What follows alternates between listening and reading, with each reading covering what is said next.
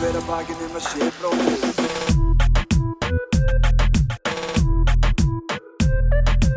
Fyrir hver að bakið nema sé bróðir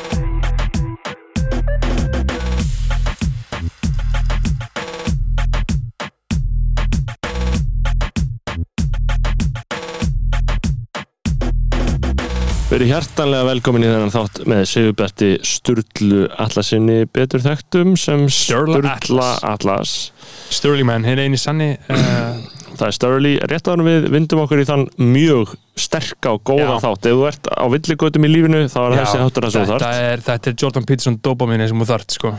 Uh, Þá nefnum við að við keirum þetta áfram á Patreon. Algjörlega. Uh, Googla Patreon. Patreon og skoðanabræður kottu í áskrift að fleiri og fleiri þáttum sem við erum að gera í hverju viku. Easy Money, styrkjakongurinn okkar þar er Stefán Daði, hinn eini sanni fokkin kongurinn, borgar okkur 105 dali á mánu Hann er og, geitin. og hefur gert það um smá tíma Stefán Daði, takk kærlega Í öðru sæti kemur heiðurs, heiðursmeistarinn, það er. Tandri Snær Traustason. hann er búin að vera með okkur sinns day one 12. mæ 2020 búin að vera tölvöld lengur á topnum Já. og uh, heldur sínu sæti með 100 dölum á mánuði. Það munar Já. litlu og það þyrfti lítið fyrir Tandra til þess að slá Stefán aftur út á borðinu. Það Einmitt. væri áhugavert að sjá það gerast. Einmitt, Tandri Snær, takk kærlega fyrir þetta. Og síðan eru það þeir sem að borga okkur líka 30 dali á mánu Jú, vissulega borgar handból CBD óli okkar 40 dala á Einmitt, mánuði handból sé beð djólega virðing á það, takk Mhm. kærlega fyrir það. Síðan er það Jóhannes Haukur Jóhannesson sem borgar okkur 31 dala á mánuði. Uh, það er talað um hann í þættinum Já, við tölum um Jóhannes Hauk og skoðanir hans og hvað hann er ríkur. Já. Nei, og svo tölur, ja, það er líka verðt að nefna það að Jóhannes hefur tölvöld betri fjárráð en Tandri og Stefán þannig að það væri gaman að sjá Jóhannes stíga upp. Já, kom aftur í barðuna stíga upp og Einmitt. koma í baratuna og síðan er það Andrea Diljá Edvinsdóttir. Andris Jónsson, Benedikt Bjarnason, Björgvin Helgi. Björgvin Ívar Baldirsson Brynjar Guðmundsson, Brynjar Tumason, Erik Ólaf Eriksson Geoffrey Huntington Williams. Hjörtur Páll Hjartar, Hálfdán Svensson tónlistamenn Dörb Júl Donutin, Mask on Iceland, Sindri Kampan Sturla Snorarsson, Tank City, Tindur Garðarsson X Nonni X. Og Ari Helgason. Þetta er þeir sem var að styrkja okkur um 30 dali á mánu en þú gerð lusnandi þart getur sett 5 dólara eða 10 dólara ókipis uh, og farið auka þætti. Hvern Já. einasta þriðdag, alltaf. Og, stiður segja, fjölmjörn heldur þessi gangandi. Þetta er Sigurbartur Sturla Allarsson sem er leika í Rómeo og Júlíu í þjóðlíkursunni Herri, já, vel að merkja, farið á þá síningu, hún er, er frumsýnd um helgina og Goons fá frýtt. Já, Alveg marga síningar. Jöp, Skellt ykkur það. Fyrir hver að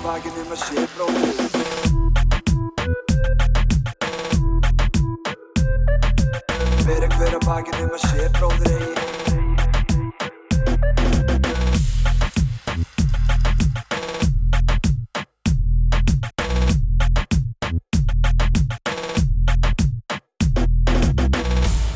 Við erum hjartalega velkomin, kæri hlustendur, við erum komin hérna í hljóðverið velkomin í Eilstofu uh, Sigurbartur Sturla Allarsson með Sigurberti Sturla Atlasinni, betur þekktum. Gracias. Uh, betur þekktum sem Sturla Atlas. Þetta hefur fæst við því, Bjartur. Þú heitir Sturla Atlas eilu, eða hvað? Já, ég heiti alveg Sturla Já. lífi og það er bara, ég meina fólk kallar mig Sturla og ég er svona bara líka löngu búin að embracea það bara sko. Já, mér finnst það mest pyrrandi þegar ég er að tala um mömmu mína og ég er eitthvað svona, já, ég uh, Sigur Bjarti Sturlu þú veist hún bara eitthvað, já, ok. Nei, nei, og það er ótrú, ótrúlega mikið fólk sem kallar mig Sturlu og ég meina sem eru vini mín líka bara eru löngu fannar að kalla mig Sturlu bara Já. eins og Lexi eða eitthvað sko. Og ég hataði alltaf þetta nafn þegar ég var lítill sko. Mér fannst þetta svo undarlegt nafn. Já, Uh, en jújú, jú, ég menna maður getur ekki annað en gengist við þessu þegar það verða að hrópa á mann út á götu bara sturla, skilur Sturla. Sturla. Sæll sturla. Sturla. Já, já, Já. þannig að Hey Sturla Atlas, fuck with your music. Sí- síðast ég var inn í uh, stúdíunum eins og gott að vera komin aftur sko. Uh, síðast ég var inn að var örgla fyrir hvað rúmum tveim vikum eða allan að Já, þegar þú varst með COVID. Eitthvað svolítið þegar ég var með COVID í beinni sko. Fyrsta dag í COVID, með COVID Og það er og náttúrulega- Beggi smitaðist ekki Nei, Nei. en það er alveg algjört radio moment að ég var alveg staðfest með COVID Já. þegar við vorum hérna inni skilur, Já, að það taka þátt er sko. fucking huge sko. Já, og ég var einmitt að tala um að ég var ekki með Uh, COVID sko. Lóa var að gera grína í podcastinu sín Já, ég hlusta það, það var Ég er langt segment um, Já, það, ég er ekki um hvað ég var með COVID í mínu þetta, jú Já, ég- er, ég- er hennar podcast ekki taldi mikið bara að gera grína þér eða? Jú, þú veist, hún er allan að eða greinlega orku í það, Lóa Já, já, já. og svo, svo þarf hún að segja mér sérstaklega frá því sko, því ég ég ég, var einmitt ég, ég var einmitt í Danmörku sko og það Já. var mér sagt að það var verið að rosta okkur hérna í öðru, öðru, öðru podcasti sko. Já, einmitt. Um, Nei, nei, uh, Respect, sant? já, Já, algjörlega full respect. Það er bara kings. Uh, Gaman að koma með þér, Bjartur Já, loksins maður, skoðanir SSA sko, það eru margir Já. búin að fucking koma á undan mér sko Það er bara komið tími til sko, ég man í sendi þannig á Becka eitthvað fyrir fucking einu hálfu ári bara skoðanir Egil's Ástráðs á undan mér Já, já, en, Já. uh, en þú veist, það er líka gott að, að býða og, og bara svona taka þetta á bara réttu mómenti Gauður, sko. það er bara eins og ég- við vorum að segja alltaf tímann í Kaupin, bara GP God's plan. Já, ég held það. já, og, já, já, God's plan já. ég vil ekkert að neitt geti reiknað út hvað skoðanabræður gerir, skilur ég vil ekkert að það sé hægt að reikna út að bjartir hljóta að koma En að þú, sé en, en, en þú hefur hægt að náttúrulega gera. komið í tvo petinu þetta Já, ég já, það er enda rétt, ég komið í tvo hefur ég gerði inn, ég gerði inn, já, ég gerði Já. innrás líka í eitt þátt, Já, sko. þú slisaði sinni inn sko. Já, Já, við vorum ánægð með það sko en, en það er margt að fara yfir og, og sko náttúrulega við höfum sett það upp sem ákveði tilipni þess að þáttar að þú ert að frumsýna. Uh, mm aðal sýninguna í þjóðleikúsinu í ár. Já, aðal hlutverkið Mhm. uh, búin að meika það Þa, það, búin að fucking meika fyrir löngu, sko Já, ég meina, sko, fyrir uh, svona menn sem að skilja ekki leikhús eins og kannski við, eða hvernig sem það er Já. þá er þetta top dog hlutverki Topptak, ég menna að þú veist, ef Já, það er verið að fara yfir leikbókmyndunar, skilur þá er þetta hlutverk eins og Hamlet og Macbeth, skilur Mhm. og síðan bara náttúrulega Lady Macbeth og síðan er það Romeo og Julia Já, þú veist, þetta er bara upp þegar, þetta er bara top 10, skilur erum af þessum svona stærstu hlutverkum leikbókmyndana, skilur. Hvernig fór Shakespeare að skrifa alltaf þessa? Ég er það sko ég, Málið er, sko, hann, Shakespeare var sko með konu sem heit Anne Hathaways Mhm. og hérna, þau áttu saman þrjú börn einhvers staðar í eitthvað Stratford Stratford upon Avon, ég hef farið að Já. sé húsið hann sko. Já, en ef maður síðan bara náttúrulega bara beilaðan og bara skildi þau bara eftir, bara konuna og börnin Mhm. og flutti bara eitthvað til London til að vera leikari Já. og var leikari en var síðan alltaf að skrifa þú veist, leikrit samhliða Mhm. því þannig að hann bara beilaði á, öllu basically til þess að fara þarna og vera leikari og hérna síðan eru, þú veist, ég er engin sérfræðingur skilur um hans æfi eða eitthvað þannig en Það voru, þetta voru svona lítið til, lítið heimildum um þetta Já, um og dæmið. þú veist, og það er náttúrulega alls konar svona, þú veist, rannsóknir á setni árum sem hafa syngt fram á að sko að öllum líkindum er þetta einhverjir þrýr höfundar eða Já. þú veist, eitthvað álíka sko en þú veist, þetta er náttúrulega bara svona rosalega mikið sem hann sko skilur eftir sig og, Mhm.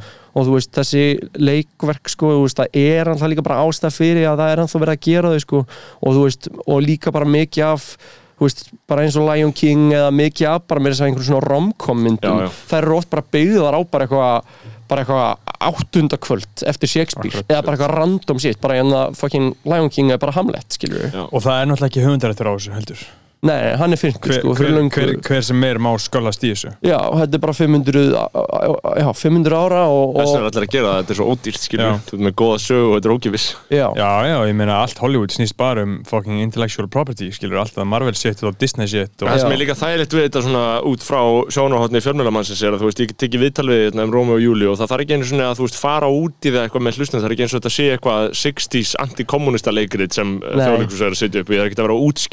og þetta sé eitthvað 60s antikommunista leikrit sem Nei. þjóðleikus er er djóðsins baksur, þetta er Nei, bara ég og Júli dýrka líka bara við Róma og Júlía sko, það vita, þú veist, ég, ég, ég allan að hefa tilfinninguna að, þú veist, þó að ég sé eitthvað, hérna, leikusbart, skilur og, hérna, uh, allt það sko þá held ég að flestir viti, þú veist, svona basic söguna um Róma og Júlía, að þau, þú veist, það vita allir að þau deyja í endan, skilur þau, það vita allir að þau eru ástfangin og með ekki vera ástfangin og það veldu því að þau, þú veist, deyja í endan, mm. -hmm. fremja sjálfsmór, skilur og hérna, sem er náttúrulega bara eitt besta moment í, í bókmyndasögunni, það er að skilur hún dreipur sig að því að, hann, að því að hún heldur að hann sé dáinn, eða ekki? Já, Eða- hann, eða ha, öfugt? já, þú veist, í rauninni er þetta skrifað eða, þú veist, eins og þetta er svona veist, margir hafa alltaf séð Bas Lúrmann myndina frá 90s, það sem er Leon DiCaprio leikur hann sko.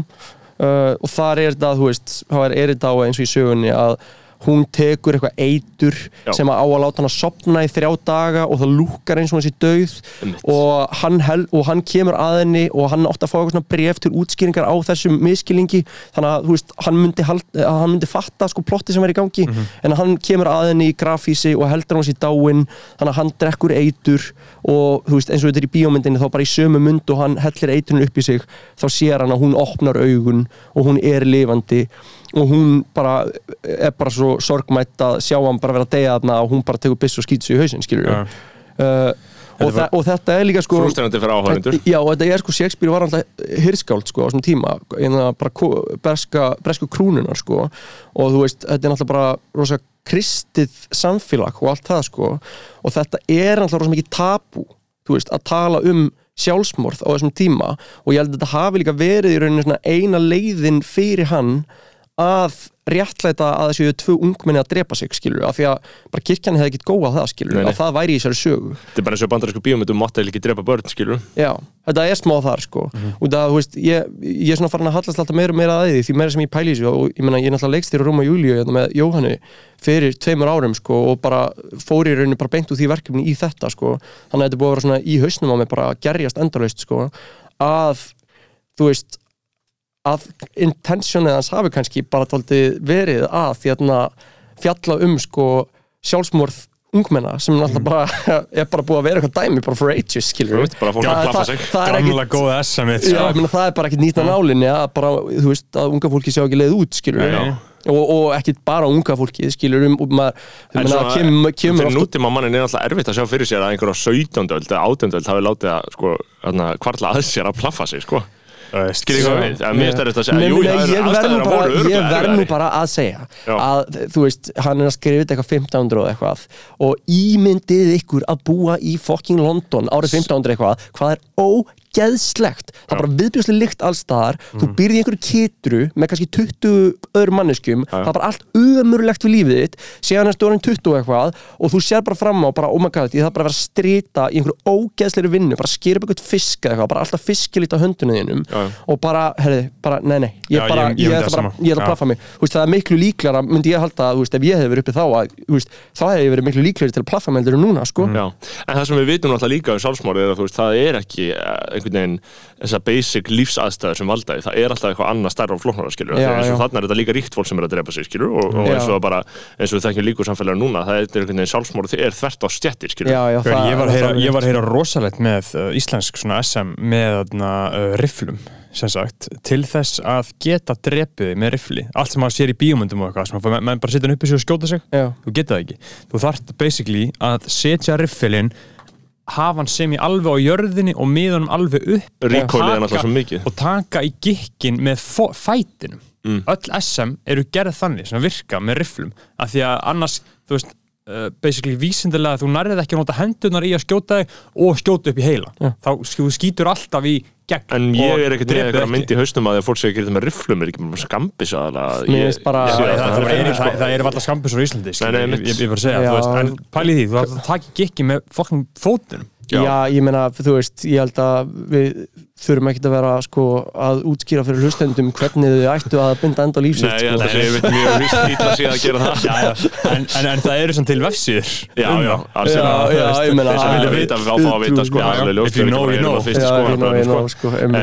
en það sem er náttúrulega líka í þessu dæmi þarna er að þau eru bæði af yfirstjætt uh, Nei, eru- ekki bæði af yfirstjætt? Úr einhverjum og fyrir Rómur þetta- ekki aðeins niðri Nei, nei, Rómeo, sko, eins og ég lesi þetta þá er þetta þannig að, þetta er Og Montagu er Rómeo uh, og síðan er þessi París sem að fóruldrar Júlíu vilja að hún giftist.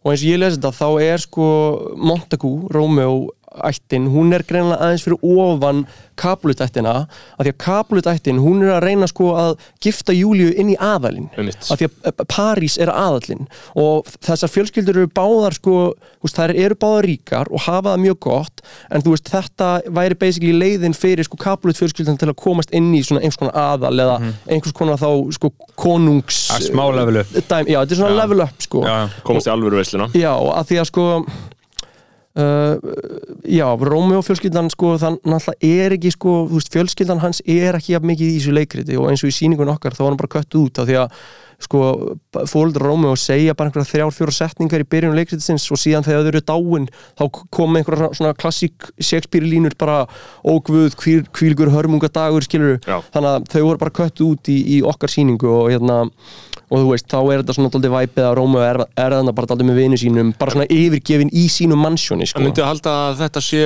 þú veist uh, að því að hann skrifar þetta náttúrulega Shakespeare uh, í því samengi að þetta er verið að gerast í gammalli. Ítalíu Já. Uh, ég veit ekki á hvað tímabilið þetta á að vera að gerast en þú veist, örgulega bara cirka skilur fyrir löngu Já, er ekki? jú, En miðöldum með allan, all- allan ekki hannig Já, ætli það Eh, eigi ekki fara að gerast bara hana 1500 og eitthvað, Já, sko, en þetta er náttúrulega gömul saga, bara eitthvað sem er skrifuð og maður velti fyrir sig svona þetta dæmi skilur að eitthvað fólk vilji, vilji eigast þú veist, kall og kona en getið ekki út af einhverju fjölskyldaðstæðum Já, þú veist, er þetta saga sem er eilíf, skilur þú veist, er þetta ennþá að gerast, ætla að myndi gerast á Íslandi að við værum með eitthvað alvöru spennu þarna, skilur að fjölskyldan þú veist, er þetta ekki orðið bara eitthvað svona fjarlag klísa eða þú veist, hvað myndið þið segja um það, sko, skilur það sem að er gerast svona, það sem að, na, sko, kannski ekki beint en það sem er líka aldrei fyndið við þetta verk er að sko, það kemur allir fram hver sko,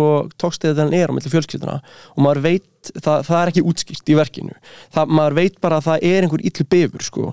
Og, veist, og það er alveg eitthvað sem maður skilur þú veist auðvitað geti það alveg átt í stað. Kannski, þú veist, ég veit það ekki á Íslandi geti bara svo sannlega átt í stað í bandaríkinum skilur uh, en, en það er líka bara einhvern veginn svona minnst það einhvern veginn vera líka bara svona tákmyndi yfir bara eitthvað svona bara dálítið eitthvað svona gammalt þú veist, feðravaldi, bara einhverjum svona karlar þú veist, ímyndið ykkur bara svona eins og einhverjir íslenski ríkir karlar sem er í bífi þú veist, án þess að nefna henni nöfn. Robert Westman og Björgulega Þór. Já, já, nei, en nákvæmlega skilur, ég ætlaði að, ætlaði að segja án þess að nefna henni nöfn, en ég menna þú veist, þeir eru skýrt dæmi um ríka íslenska karlmenn sem að eru bara í bífi og þú veist, eru bara eitthvað að halda upp einhverjum fjölmiðli til að koma að skýta Já. á hinn, skilur. Kóngalegt. og Að að að að uh, ég veit það ekki, menna, En ég held að ef að þau, þeirra afkvæmi, eins og ég seti fyrir mig, ég veit ekki hversu sjúkir þeir eru, en ef að þeirra afkvæmi Ég held að sé djúplega sjúkir Já, já, ég veit það, uh, en sko ég held að ef að þeirra afkvæmi, svona eins og ég þekki bara mannfólk, þú veist, mín reynsla mannfólki er svo að þá væri þeir eitthvað svona ok, þetta er bara fyndið, skiljið, þið megið þetta. Skiljið hvað við, ég held að fólk gefur svona ákveðin slaka í svona Einmitt. sko, nema þessu En síðan er þetta, þú veist, náttúrulega í þessari sögu þá er þetta fyrir mörgum hundra árum og þá er þetta líka kannski aðeins meira getur maður ímyndið sér, eh, Pólitískt. sko, meira eins og þetta, eins og við ímyndið okkur eitthvað svona konflikt í mið, miðausturlöndum. Mhm. þú veist, þar væri alveg svona grundvöldu held ég fyrir einhverju verulegu ósætti, skilur við þú veist, í einhverjum svona. Já, í, í, í, í, svona einhverjum kúðum samfélagum, sko. Þú veist, það sem, já, Já, já, ég sé þetta ekki gerast hér. Nei. Uh, en hvað voru að tala um? Já, bara Rómeo og Júli almennt, ég meina, eins og ég segi, þetta er síning sem allir þekkja og þetta er saga sem allir þekkja og mér finnst, eh, mér finnst sem í magnað að sé en þá verið að gera þetta og setja þetta upp.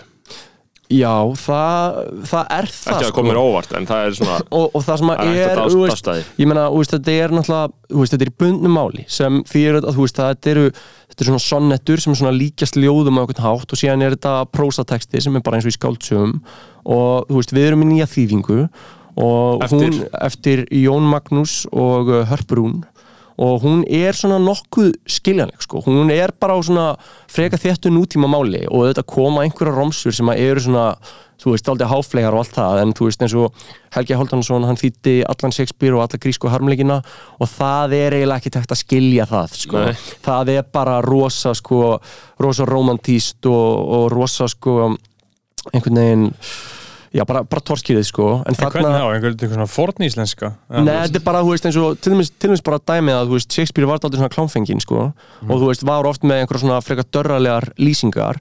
Og Helgi Haldónsson, hann kemur og setur það upp í eins og að sé eitthvað svona romantískt ljóð, skilur uh, hann og- meikar ekki alveg að díla það. Já, ég meina að Snorri getur auðvitað greint betur, sko, Helga Haldónsson texti heldur en ég, sko Já, eða, þú veist, þetta er bara, hann Þetta skrifar þetta svona sko. á, á, á svona, uh, þú veist, á, miðri 20. öld og hann er bara með mjög mikla rætur í eh, svona eldri íslensku og bara miklu Já. eldri, eldra málsniði, skilur, og það er mjög óaðgengilegt fyrir, held ég. Það er mjög erfitt að skilja Sérstaklega í það, sko. töluðu máli, þetta gengur bara mjög illa upp í töluðu máli fyrir nútíma áhörindur og, sko. og það Þetta sem mjög líka textið samt og sko. það sem að leikar já, þetta er fallegu texti, það sem að tala líka um þú veist, eldri leikar eins og sem er mér í sýningunum núna að það er ekkert rosa leikbær texti Nei. Nei. Þú veist, það er erfitt að leika þann texta en eins og, þú veist, Þú veist, Hall- hvernig Hallgrímur þetta- Helgason já. Hallgrímur Helgason, hann þýttir um og Júli aftur þegar Vesturport gerði þetta 2000, og, þú veist, eitthvað early sko, sem hann alltaf var rosa vinsal sýning og bara fórum allan heim sko Já. Og það var strax sko þýðing sem var bara talsvert sko aðgengilegri og við notuðum hana, ég og Jóhann, þú vorum að gera þetta í MR sko. Já. og núna erum við komið með bara enn eina nýja þýðingu sem að við erum samt líka bara að móta á æfingum. Og ég, þú veist, ég hef alveg á tilfinningunni að þetta sé sko, þú veist að þetta sé sko bara vel skiljanlegt fyrir bara nútíma Íslending. Og sömu leiðis að þú veist, þó komi kaplarinn á milli sem að er ekki bara eitthvað mjög skiljanlegir þá einhvern veginn svona komi náist tilfinningin samt í gegn sko. Já. sko dæmið um það, dæmið um það hvað Helgi er hress í þarna og svona uppskrúar á köplum, þú veist, þessi frægasta náttúrulega dæmið sem þið farið öll með í þessari pröfu þarna er örugglega í LHÍ sem er þarna að vera eða ekki vera. Þú veist, það er skil að vera eða ekki vera þarna er efinn. Hvort betur sæmi að þreyja þreyja þólinmóður í grimmu jéli af örfum ógæfunar eða vopp grípa. móti bölsins brimmi og knýja það til kyrðar. Að deyja sopna Já, þú veist, þetta er að, þú grípa á móti bölsins brimi og knýja allir kýrða þetta er svona til þess er að láta fólki líða mögulega. já. Þóran Eldjón var að því að Hamlet núna aftur sko og að kom út ég fyrir hálfa ári og ég kefti þá, uh, þá þýðingu sko og var að klukki í hana og þú veist paste hann þessa þýðingu bara eða gerði þetta upp á nýtt? Nei, Bara hann gerði þetta með nýtt, hann, hann hefur þýtt alveg sko, hann þýtti Lja Konung og Macbeth Já, en ég er að segja svona, þú veist, í svona og- köplum eins og þú veist, þetta er alveg kanoniserað, þú veist, það sem að þess, þessi kapli, þessi hluti, skilur Nei, það er ekki erfitt að koma bara að traðka á því Já, hann með nýtt, hann sagði sko Halki Hálfi segir sko að vera eða ekki vera þarna er efinn Ég held að Þóran Eldjón segir sko að vera eða ekki. Það, Þetta er spurningin. Einmitt. að vera eða ekki Þar, þetta er spurningin, eitthvað Já. eitthva þannig. Já, Mhm. um, um, en þú veist, já, hann, en, en hann Þóran Eldjón hann, hann hefur komið með mjög góðar og mjög skiljanlegar þýðingar sko. Já. Já, ég var mjög ánæður með þarna þegar hann var í Macbeth og Nei, var það miðsumarsævintýri eða miðsumars? Já, já, já, en það utrymur Já. Það var flott Vá maður, ég, þú veist, einmitt, ég meina hvað, þú veist, allir fólki sem hlustar á skoðanabræður sé investiraði í Shakespeare, allir þeim finnst þetta skemmtilegt að hlusta á það. Þú veist, Sko- já, já, fólk finnst fólk, Fólki finnst gaman að hlusta og fólk tala um eitthvað En- sem það hefur áhuga á. Já, og líka, já, það er líka málið að fólk líka ber virðingu fyrir listforminu Já, The podcast, the great oral tradition. Já, já, já, já. Við, erum í, við stöndum í miðri munlegur í hefð hérna sem er að það- myndast. Þa, það er það, fólk ber virðingu fyrir listforminu. Það veit að við vitum á rekk og við vitum ekki hvað er að fara að gerast og við vitum ekki hvað er að fara að hlusta á. Já. og það er það sem fólk vill.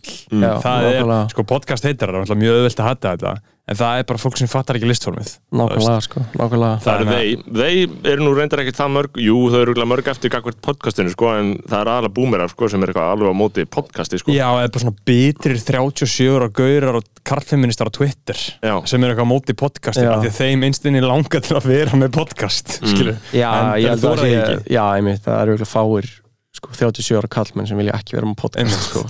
Það, já, vilja Það- flestir, sko. Það er held ég fínt að vera með podcast það þarf ekki að vera á Twitter skilur þú veist, En, sko, bara en þú veist, það sem við verðum líka eila smá að koma að, þú veist, á meðan við erum að ræða Örm og Júlíu, við, við munum fara við viðan völdið við munum ekki bara tala um þessi sýningu allan tíman, sko Nei. er að þú veist, við erum frumsýna næstu viku á föstudaginn 4. september og fyrstu fimm sýningarnar eru ekki almennir sölu það eru bara sýningar sem bara krakkar á aldrinum 16-20 ára geta bara sótt sér Mhm. uh, Ókeyp- ókeypis. ókeypis Já. og þú veist, hver uh, krakki sem er fættur bara frá 0-1 til 0-5 þá Mhm. 0-1 til 0-5 hann getur sótt sér alltaf 5 miða, skilur fyrir sig og vini sína og Tekið skvati með Já, Já. tekið fokkin skvati með, skilur og, og, og þú veist, það er tvent í þessu leikur sem hefur, þú veist, staðið frammi fyrir þessu vandamáli bara síðan að ég mann eftir mér að fá fólk á þessum aldrei í leikhús og þú veist, er náttúrulega of svona augljósasti faktorin við það er bara hvað það er dýrt að fyrir leikhús, þú veist, Aha. það er fokkin dýrt. Það kostar 6 og 9 eða eitthvað í dag, skilur Já. uh, en hitt er líka að leikhúsi hefur náttúrulega bara, þú veist, ekki talað við þessa kynnslóð, skilur það hefur ekki verið að eiga neitt díalóg við þessa kynnslóð og það er eitthvað sem að við náttúrulega bara lögum upp með þetta í þessu ferli að vera, þú veist, að skapa eitthvað sem að, þú veist, við erum að reyna að eigi samtali ungt fólk, skilur og þess vegna er þetta svona eitthvað gestur sem okkur langaði að gera til að líka fá þau pottit inn svo þau þurfi ekki að vera að borga þú veist, sjúður skall til að mæta í leikhúsið að bara bjóða þeim, bara fyrstu fimm sýningarnar. Þau, það eru bara fyrir þau, það er engin annar að fara að vera á fyrstu fimm sýningunum nefnum bara goons, skilur sem er bara 0-1 til 0-5 Einmitt. og, og Ég, hérna ég er með svo mikla aldurskomplexa að þegar þú sagði sko 16 til 20 ókipis þá er eitthvað, á næs, ég fæ ókipis, skilur. Mér líður eins og ég falli að inn nei, nei, nei, þið fallið ekki inn í sko. Nei, En þú veist, hljóta það- ekki að slæta taumur og skoðan bara Já, já, ég slæði á tveimur skoðanabæðir en þú veist, það, það mun fara í ganga þarna svona í, Ég var til í að fara á gúnsýninguna sko. já, ég get örgulega komið eitthvað fyrir á Já. gúnsýningunni Já. og þú veist, hérna það mun fara í ganga einhvern tímann í, í, í bara svona aðranda sýningarinnar að fólk getur bara svona farið inn á roj.leikus.is og, og hérna, sótt þessa meða, bara frítt. Og þú veist, maður er bara þar skilur að bara, þú veist sko þessi krakkar veist, megnið af þeim, allavega þau sem eru í yngri hópnum aðna, eru þú veist byrjuðu í mentaskóla og náðu kannski einni önn, skiljiði, COVID-lausri en síðan eru þau bara búin að vera í COVID. Það. Og þau eru búin að fá að mæta takmarkið í skólan þau eru ekki búin að fara að fá, fá að fara á eitt einasta ball ekki eitt einasta ball.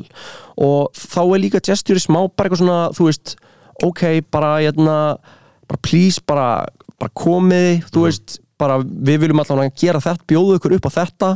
Uh, ég meina þú veist, bara það verið geggjað eitthvað finnst skemmtlegt, ef ekki þá bara fokkin farið í hliði, skilur, bara mér er alveg sama sko. Bara komið, bara takið skvati með Já. bara fokkin fáið ykkur tvo bjóra á þenni, mæti- mætið inn í mál. ándjóks bara fokkin fýru upp í einni fyrir fram að blazið þjóðleikhúsið stóran. og komið og sjá Róma og Júliu og þú veist, þim, þú veist, í versta falli þá mun ykkur finnast leðalegt og þá bara farið í fokkin hlið, þú og það er ekkert að því, skilur Nei, ég, ég, ger það oft, ég respekta bara það ef þú fílar ekki á sem þú ert að horfa á, bara farið í hlið, skilur en Taka þú þjóðina veist, ég lofa bara fokkin góður visslu og, og ég held að þetta sé bara eitthvað sem að sko, sem að þessi kynsluð gæti bara haft bara nokkuð gott af, skilur Já, bara þessi upplifun, sko, af því að þú veist, hún Já, hefur bara verið svo sko- mikið innlokuð. Já, þetta færi mig líka því að þú veist, við, við tölum stundum uh, niður til þessar kynnslóðar en það er margt gaggrinavert í hennar fari. Uh, þú veist, þetta er ógislegt pakk en við vannmetum þau líka að einhver leiti, ég meina við látum stundum eins og þau sko, eins og það sé mjög langsótt til þess að þau geti skemmt sér vel í leikhúsi, það er ekkert langsótt það er bara mjög basica, ef sýningin er fín Já. þá munum finnast hún fín, skilur Já, það sem að er langsótt við að að priori sko, að gera ráð fyrir því Ég held að það sé langsótt sko, fyrir marga sko, sem er á þessum aldri að þau geti skemmt sem verið í leikhúsi Já. af því að þau hafa bara ekki farið í leikhús. Þau hafa kannski farið í Nei, eina sín, á eina síningu á ári sem fóröld að draða um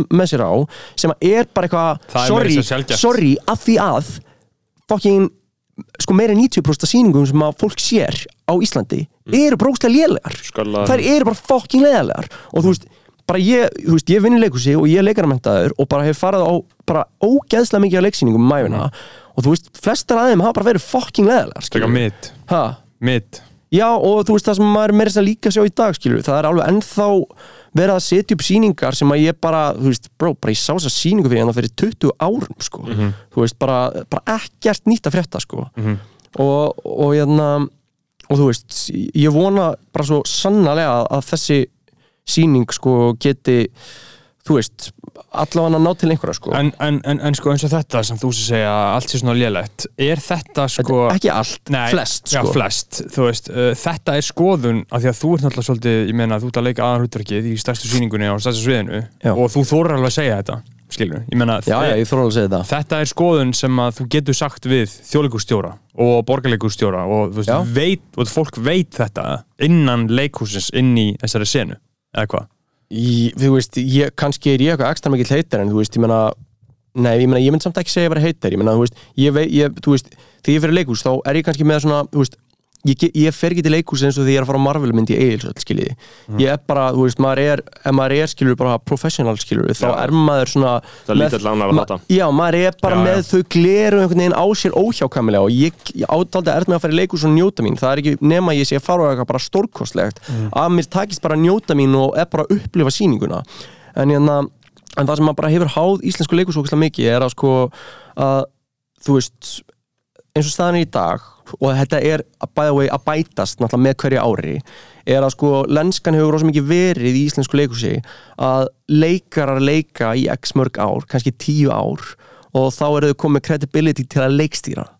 Og þá fara þau að leikstýra en þau hafa ekkert vision sem leikstjórar skilur Nei, nei. þau hafa ekkert skillset sem leikstjórar. Þau eru kannski alveg góð að tala við hina leikarana bara eitthvað, nei, bara með eitthvað svona leiktækni nótur, bara nei, og frekar að vera svona í þessari sinu, en þau hafa ekkert sko vision sem að skilur bara eins og Leik- hérna, sem, sem, sem listræni já, bara við getum bara tekið dæmi eins og Una Þorleifs sem er bara leikstjóra mentuð skilur, hérna, hún er leikstjóri og hún er leikstjóra mentuð og þetta er bara búið að vera hennar karýr og hún er bara með vision og maður fer á sýningarnar hennar og maður sé bara að það eru pælingar allstaðar í gangi. Þú veist, Benedikt Andrews sem að hérna, hefur gert sýningar í þjóðlíkusinu gerði hérna, það sem ég nefndi á það, Lía Konung og, og Macbeth. Hann bara, þú veist, hefur leikstýrst bara um allan heim, er bara, þú veist, hann er ándjóks bara eitt flottasti, sko leikhúsleikstjóri í heiminum. Og hérna, og hann það er bara magnað að fara á sýningar eftir hann, skilur það er bara ótrúlegt, en síðan, þú veist, fer maður á þessar sýningar sem að, þú veist e- e- það sem að, þú veist, og þetta er ekki algilt skilur en þú veist eins og sýningar sem að þú veist leikara sem síðan einhvern veginn verða leikstjórar og það bara er ekki skilur það er bara ekki þetta þetta, essence og, og, og þetta vision því að þú veist þetta er ekkit sami hluturinn skilur Nei. Þetta er bara don't veist- get promoted, skilur ég meina það er ekki í fyrsta lagi veist, það er sviðsöndabraut í listaháskólanum en þú veist eftir hana ef þú ætlar að vera leikstjóri ég veist, myndi ég alveg halda í flestum tilfellum á myndi þú þurfa að vera í master og svona, svona finna þitt krafta eins betur svona að slípa þessum listamann sko. Já. uh, en, en þú veist auðvitað ekki allir sko. En sko í svona, í svona umræðum um, um til dæmis bara svona uh, þessa þróun og bara hvernig fólk er að leikstýra og hvað skilabóður að koma fram og svona um, maður hefði haldið það kannski fyrir 50 árum eða 40 árum eða 30 árum uh, að þá hefði maður til dæmis farið inn á þessa braut með það í huga að þú veist uh, með því að vera þessum vettvangi og vera sko atkvæða mikill sem til dæmis leikhús leikstjóri Já. uh, að þá væri maður gildandi í umræðinni, skilur í íslensku umræðinni, þú veist að, bara, að þetta væri bara svona einhver, eitthvað output þar sem að þú væri bara að segja eitthvað, skilur og það væri hlustað og það væri bara deilt um það sem þú segir, segir. Einhvern veginn sé fyrir mér að það autoritet og að það vægi þessa hlutverks hafi náttúrulega allan að breyst ef ekki bara dvína verulega. Þú veist, þegar maður lítið til þess bara hvernig umræðan er uppbyggð, skilur, samfélagsumræðan skilur, þú veist, ef við hugsaum bara um hvað, bara hvað samfélagsmiðla skipta máli, einhverjum Já, fucking já, já. Facebook statusar sem verður segna einhverjum fucking fréttum í einhverjum fucking fjölmiðlum Já.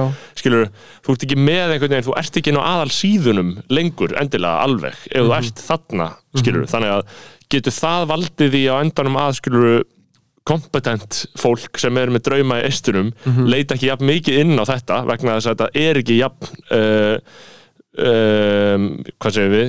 Mikilvægt skilur eða allan ekki jafn svona einhvern veginn ve- veiga mikið skilur mega það sensa sem Já, þróun ég, að ég, ég svona Já, þú, þú, þú ert basically að tala um það sem að skapar umræðu. Já, ég bara, þú veist, hvað skapar umræðu? Og, Ertu og, að- og, veitu, og í, dag, það sem að skapar umræðu er outrage. Já. Einhver segir eitthvað, einhver Já. annar segir þetta er ekki í lægi Af því að það- Og að síðan fyrir stað. það gerist. Nei, Við förum aldrei að ræða er- fyrir það er er bara að- sagt að þetta er ekki lægi Já, það er bara, það er bara call out Þú culture veist, það sem ég er bara að hugsa er, skilju, þá er ég bara að lýsa áhyggjum að því að, sko, ef að, skilju, helstu póstarnir eru einhverju svona kjaftaðis póstar sem eru bara eitthvað að vera eitthvað Já. á netinu, Mhm. skilju, að þú veist, þá, þá leiti fólk þanga í staðin fyrir að fara að gera eitthvað sem meikar einhvern sens og er alvöru, þú veist, einhver svona þýðinga að mikil tala um, ertu að tala um sem sagt, hérna, social media culture versus, ver, versus svona einhvern lista culture versus bara hefðbundin íslenskan umræðu kultúr, skilur, Já, það sem, að, já, já. það sem að maður getur séð fyrir sér að bara, þú veist, einhver þarna, þú veist,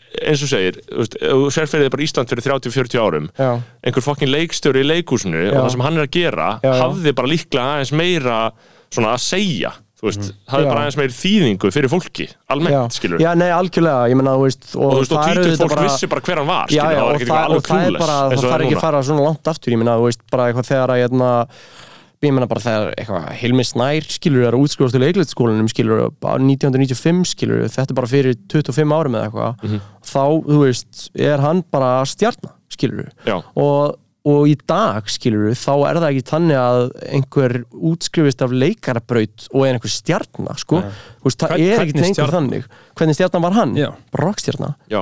hann var bara rockstjarnar, hann var bara, Að var bara kaffibarnum og hann var síðan bara leika Hamlet, skilur niður í þjóðlíkusi og þessi allir hver hann var Já. og máli var líka að þú veist að því, þú veist, ég, ég átti leika, ég, veist, Hann ég, er líka kóngurinn. Já, ég meina, hann er kongurinn, skilur Já. og ég á leikarfóröldra og þegar ég ólstu upp þá var það bara þannig að þú veist, í fokkin mokkanum skilur eða, eða fréttablaðinu þá var bara þjóðlíkusið með heilsíðu auglýsingu á hverjum einasta degi það sem voru andlitsmyndir af öllum fastráðnum leikurum í húsinu. Um, og þetta skapaði, þú veist auðvitað, því að það var ekki fokkin tölfur og símarskilur, Já. þannig að það var bara fólk var með sko þessar fastráðnum leikar í smettinu allan daginn og þá urðu þau bara stjörnur og síðan er bara eitthvað Hilmist Nær leikur einn í bíómynd og síðan er bara fólk að fara í leikhús. Uh, fólk náttúrulega held ekki sótti líka sko, ég held að breyðar aldursópur hafa sótt leikhús þá en að gera núna sko. Og hann varð bara svona og, og, og þú veist, og náttúrulega Balti líka skilur og Yngvar og, og Ymsir skilur bara, þú veist, og bara, já, ýmsir leikar og leikonur sem urðu bara svona hálfgerða stjörnur að því að vera að leika á sviðinu, sko. Já. Og þetta er eitthvað sem gerist ekki í dag, sko. Þú verður, ef þú ert íslensku leikari, þá verður eiginlega ekki þekktur fyrir nú ert sko búin að leika í bíómynd Einmitt. og þú veist, það tala bara allir íslenski leikar tala um þetta, skilur við, að bara þú veist, fólk Þetta sem búið að fólk sem er, sko, fólk sem búið að leika kannski í borgleikusinu eða eitthvað bara í tíu ár og bara enginn er að pæla í þeim þegar þeir eru að labba eitthvað í kringlunni. Síðan leika þau eitthvað aukalutur kring einhverju bíómynd og þá er verið að stoppa þau allt í henni bara eitthvað, hei, erst þú ekki hérna í fokkin Undir trénu. Undir, varstu, já, varst þú ekki hann í undir trénu? Já, að varst þú amman í undir Já, trénu? varst þú amman í undir trénu, skilur það er bara eitthvað þannig. En að Það, það er veigamikil breyting og það er ekki einu sinni bara skilur því ég var einmitt bara að tala um eitthvað fokkin leikstjóruna þetta er líka bara breyting í lífi leikarana Já, skilur. þetta er breyting í lífi leikarana og síðan er sko sömu leiðis skal ég segja þér að hérna, uh, meðal aldur leikusgesta hækkar um eitt ára hverju ári og það Já. er rosa sorgleg sko tölfræðileg staðreind og ég held að þetta hef ekki verið svona sko í gamla daga eða, veist, gamla, daga, og ég er ekki að sko ég er alls ekki að glorifæja sko eins og 90'sið þar sem að þetta er eiga sér stað skiluru, þar sem er að útskrifast leikara sem verður einhverjum stjörnur, ég er ekki, ekki að glorifæja það, veist, minnst það ekki eitthvað þú veist, ég er ekki að segja að það ætti að vera þannig núna. Ég er bara svona aðeins að bera þetta saman sko að hérna uh, að hvað ætla ég að segja? Þú veist þetta er að hækka um eitt ára hverju ári. Já, þetta er hægt, hægt um, hækka um eitt hva- ár á hverju ári. Það sem var að gerast þannig í 90-sinu eins og það er Hilmistan útgröðast, 95 að þá sko er nefndaleghús sem er bara fjórða árið í leiklistaskólanum sem er bara ekki hefðbundin kennsla heldur er útskriftabekkurinn að setja upp þrjár bara full production síningar bara full production eins og þessi bara síning í Já. þjóðlugúsinu og þá bara fenginn leikstjóri bara úr bara öðru hverju húsinu og hann bara leikstýri bara fullblón síningu og það var rosa mikið stemming fyrir þessu nefndaleghúsi og nefndaleghúsi var eitthvað sem að bara sko bara ég veit að þú veist eins og mentskellingar sóttu það rosalega mikið og bara ungt fólk í háskóla það rosalega mikið og fólk bara sem var eitthvað svona að pæla í listum og náttúrulega bara leikstjórar og eitthvað þannig. Og þetta er eitthvað sem hefur aldrei glatast sko. Að þú veist bara það var bara alltaf uppselt í nefndaleghúsið og nefndaleghúsið það tegði þessu stundum fram á sumarið að því að sýningar urðu svo vinsælar að þau gáttu sko byrja að selja inn á sýninguna yfir sumarið skiljiði. Og verið að græða smá pening krakkarnir, útskiptkrakkarnir en núna er bara, þú veist, það er bara ekki mikil stemming fyrir uh, leikhúsi skiluru og það bara lýsir sér kannski fyrst og fremst í þessari tölfræðilegu staðarind að meðalaldur leikhúsgesta hækkar um eitt ár hverju ári Já. og ég meina á flestar svona, veist, eins og ég var að tala um áðan sko, síningar sem að eru bara dead boring bara, dead, bara síningar sem að ég segi bara, bara já, já, ég hef getað séð síning fyrir 20 árum eða 15 Já. árum uh, þú situr aftast í salnum og þú horfir bara yfir, áhrif, yfir áhrifendunar og þetta eru bara bifurkollur skilur þetta Já. er bara fólk sem er bara þú veist, þau eru bara hægt að vinna og Þau eru bara hann eitthvað að hafa ekkert að gera og bara fá sér Pepsi Max í hlénu og svo bara Já. fara heim já, þú veist, það er í svona einhverjum fjölskyldi sko. svona RAV4 jeppa, nýlegum RAV4 Toyota jeppa Já. Það er, það, það er nefnilega þú veist, ég held að við höfum rætt að svona sem áður hérna eh, ég held að það snúist bara um uh, sérstaklega núna það sem að fólk hefur aldrei verið já.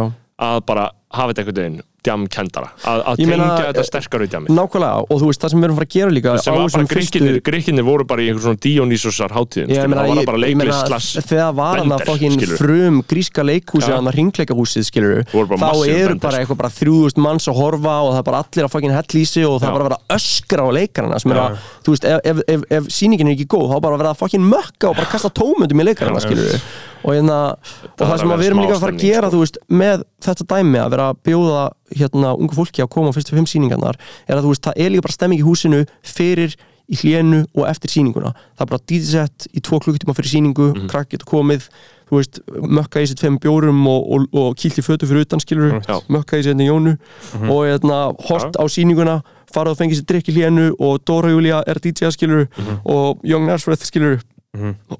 Allir síðan, ferskir. og allir ferskir sýningin klárast og bara halda frá mökka skilur Já.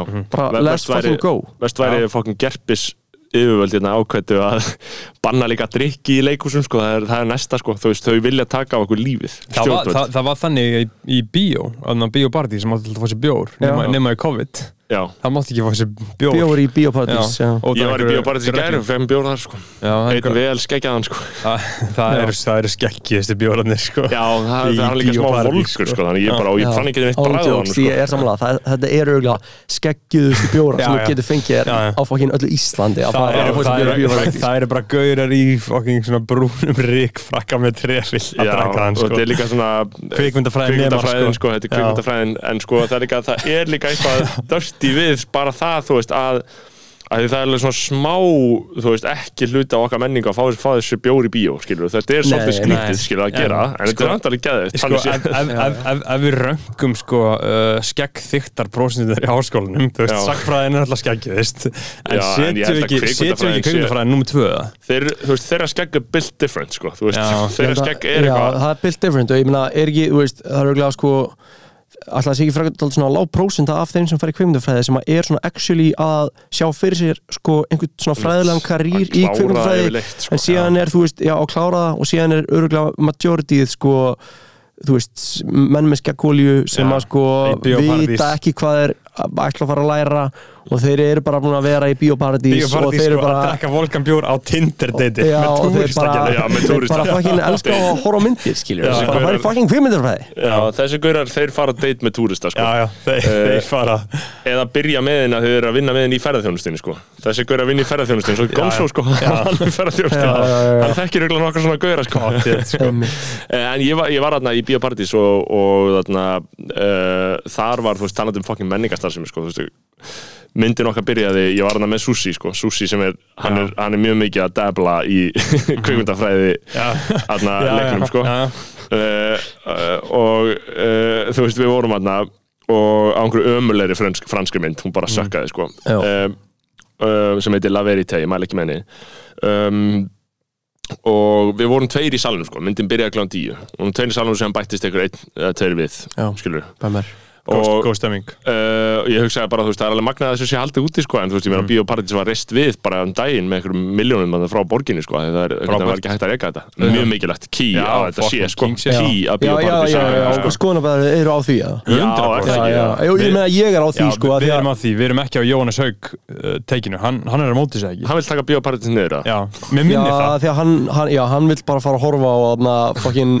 bara tróða Avengers upp í raskata og segja í eilsveit, skilur við bara en full respect, skilur við, við erum, við erum félagar, sko. Já, við fokkum með Jóhannes Haug hérna sko. Já, ég fokka með Jón Söki, sko. Og hann, hann er að fucking mega sko. Hann er að fokkin konga sig í gang Vikings. Ég bý rétt hjá hann, sko, þú veist, og mamma og húsan á, þú veist, á, á lögarsvegi, sko, það sem hann býr. Já, og þú veist, ég bara, þetta er bara partur af minni dagur rútínu nánast að fara fram í húsinu hans, sko. Hann býr, sko, í, votta verðingu í sko, Er hann já, einhvern framkvæmdum, að? Jú, eða þú veist, ég veit ekki hvort hann sé framkvæmdum ennþá en hann bý, sko, býr hann í húsi sem einhver, gólfið, sko, það var einhver gamall sko, skipstjóri sem let bygg, let byggja þetta hús fyrir sig. Já, einhvern tímann í bara 50s, 40s eða eitthvað King. og er bara einhver fokkin moldaður skipstjóri og hann gerði einhvern svona mest grand entrance sem er til á mm. lögarsveginum það er einhver svona, er einhver svona sveigur í stiganum sem kemur upp að húsinu þetta er eitthvað svona- alvöru dekadent Ja, shit þetta er alvöru bara bíti í sko En sko, við myndið þið vilja, þú veist, er ykkar aðeins að hugsa svona að komast í einbýlishús, eða þú veist, mér finnst Já, mér er væri til í embelishús Mér er alltaf finnst þetta sett að sko, mér langar ekki að snerta einbýlishús sko. nei, ég, hat- ég fíl ekki viðhald uh, mér langar til að eiga bara uh,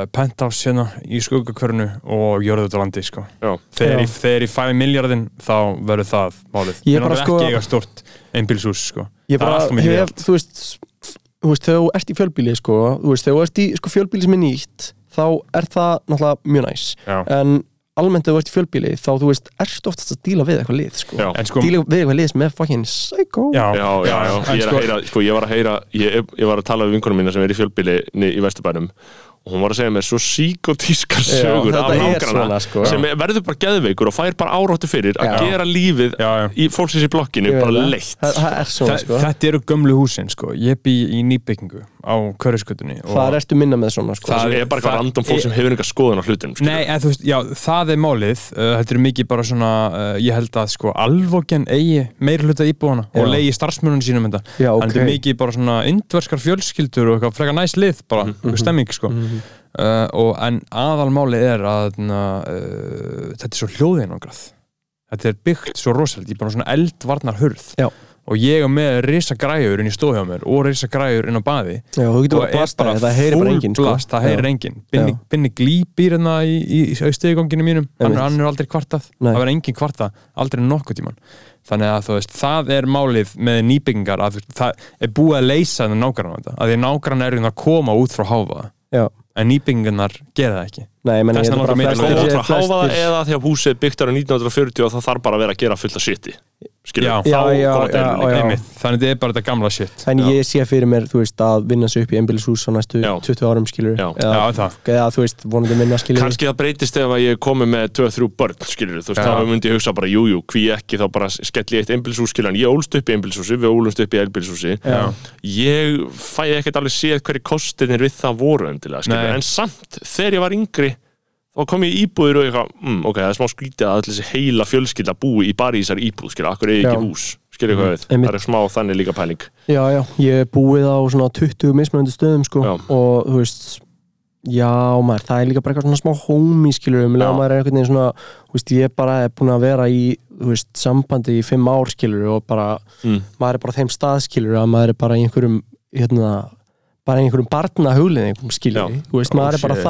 þar. Mm. og hérna og það bara, þú veist, og það er bara úrslega falleg mynd, skilur að hafa, bara eitthvað svona þú veist, einbýlishús og, þú veist, maður er bara orð, maður er bara komin á hann staðstrakar, maður er bara orðin bara vel fullorðin, sko. Það er Þrítugur á næsta ári, sko. scary 29 ára. hours scary hours. Finnst þetta 29 ára scary, næsta mánu Nei, ég er bara dýrka, satt segja, Já. sko þá finnst mér frekar leðilt að fara að vera, fara að vera sko 29 ára næsta mánu, ég verður bara meira til að vera 30 fara alltaf leið með þetta. Já, klára þetta shit. Já, klára þetta sétt,